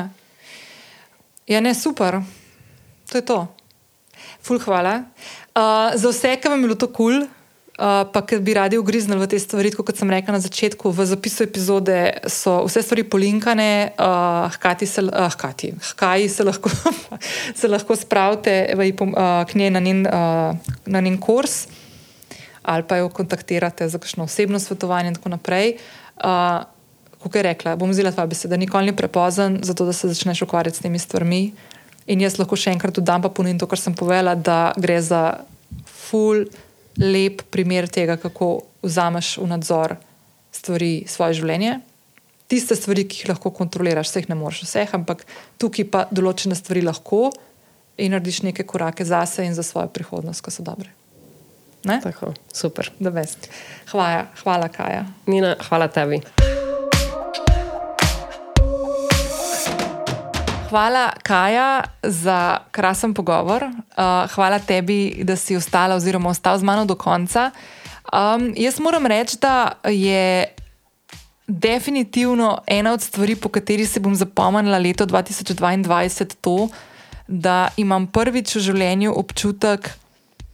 Mm, Prvič v življenju imam občutek, da hodim po poti, ki sem si vedno želela po njej hoditi in da na njej nisem zgubljena. Uh, prvič imam občutek, da tiste želje in cilje, ki sem si jih nekako postavila, da niso nedosegljivi. Um, in predvsem moram še to reči, da to, kar zadnje, dob, skoraj štiri mesece delava s Kajo, ima en zelo pomemben moment tudi na mojem siceršnjem delu, ki ga upravljam. In sicer, da se mi zdi, da sem nekako bolj aktivna v iskanju priložnosti, da sem bolj um, aktivna v, v iskanju nekih novih partnerstv, v nekih, no, nekih novih projektov in tako naprej. Um, tako, mogoče z eno besedo, fulno meni več energije tudi pri samem delu, zato ker imam občutek, da uh, stvari, ki sem si jih nekako postavila za neke cilje, dolgoročne, da si jih nisem sam postavljal tako brez glave, to pa neko, tako ne zavedajoč se, kako do tja prideti, ampak da dejansko imam zdaj tako pregled nad tem, kaj delam, kaj počnem, kdo sem. Um, In, in, in znam te stvari tudi malo drugače predstavljati. No. Kar po mojem bo zelo zanimivo gledati, ko bom šla uh, na mojo banko, tudi se pogovarjati o kakšnih kreditih, ki me fulj zanima, kako bom pol to te stvari speljala. Ampak ja. Um, Ena stvar, ki sem jo še hotela dodati, je, da mi dve s Kajo smo v današnji epizodi veliko govorili o tem, uh, kako, se, kako sem se jaz teh stvari lotila. Pa jaz bi ful rada ne dala občutka, uh, da jaz obvladam že določene stvari, ker sploh na tem področju sem dejansko precej bosa, blano. Um, In se mi zdi ful pomembno, še posebej, ko govorimo o nekih takih temah, ki so dosti krat tabu ali pa uh, neke teme, o katerih se ne pogovarjamo ravno zelo iskreno na glas ali pa tako sproščeno, um, se mi zdijo še večja priložnost in izziv, da v njih ugriznem. In jaz moram reči, da ful ni enostavno, ful ni enostavno pridati pred publiko, ki je kar velika, pa reči, pojma nimam na tem področju. Ne? Um, ampak se mi zdi ful pomembno in potrebno. Zato, ker vem, in to sem se že naučila v zadnjih letih, sploh odkar je ta podcast, da običajno, ko izpostavim neko stvar, s katero imam jaz izzive, ugotovim, da je na drugi strani še enkrat toliko več ljudi, ki ima podobne in se znate s takimi vsebinami poistovetiti. Na koncu konca je meni to najbolj pomembna stvar, da se ne počutite, da vam tukaj nekdo pridiga, kako ima vse zrihtano in urejeno, ampak da mogoče pokaže, da nima in kako se loti urejanja nekih takih stvari. In ta epizoda danes Kajo definitivno sodi v ta segment. Se pravi, Kaja je meni dala ko se je javila po epizodi podcasta, ki jo je poslušala, meni na Instagram zasebno sporočilo, je meni dala neizmerno veliko darilo, ki je v pravem trenutku padlo na prava tla. Na tista najbolj potrebna tistih, tistih informacij, ki jih mi je ona znala predati. In uh, jaz dejansko danes, um, ko vstopamo v neko obdobje, ki kolektivno čutimo neko tesnobo do tega, Moram reči, da verjetno je ni bilo boljše stvari, ki bi jo lahko naredila letošnje poletje, kot je bilo to, da sem se začela ukvarjati s svojimi osebnimi financami. Um, in, uh, in, in sem blazno hvaležna Kaj za to. In sem tudi zelo vesela, da sem Kajo uspela uh, ujeti um, v mikrofon. Da jo lahko tudi vi spoznate, da jo lahko tudi vi uh, slišite, in da konec koncev, če se nahajate nekje na takšnem uh, uh, precepu, kot sem se jaz, ko sem bila željna tega, da se naučim, uh, ko sem čutila neizmerno potrebo, da naredim neke spremembe, pa nisem vedela, kje to začeti. Da je konec konca tukaj Kaja, ki lahko vam na tem področju zelo veliko pomaga. In um, jaz sem še to vesela, no, da sem jaz dala dobršen del njenega treninga v navednicah skozi, nismo še čisto do konca prišli.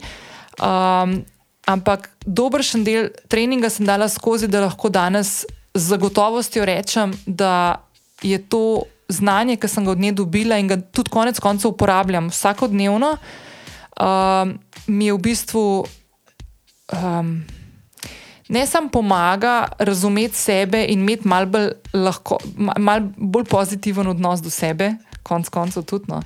Uh, predvsem sem ful umirjena, ful bolj lahkoten korak imam, ful lažje spim in re, lahko povem zelo iskreno, da zadnje tri mesece nisem imela nekih tesnobnih občutkov glede, glede prihodnosti, glede denarja, glede tega, da nisem dovolj dobra, glede tega, da ne prenesem dovolj.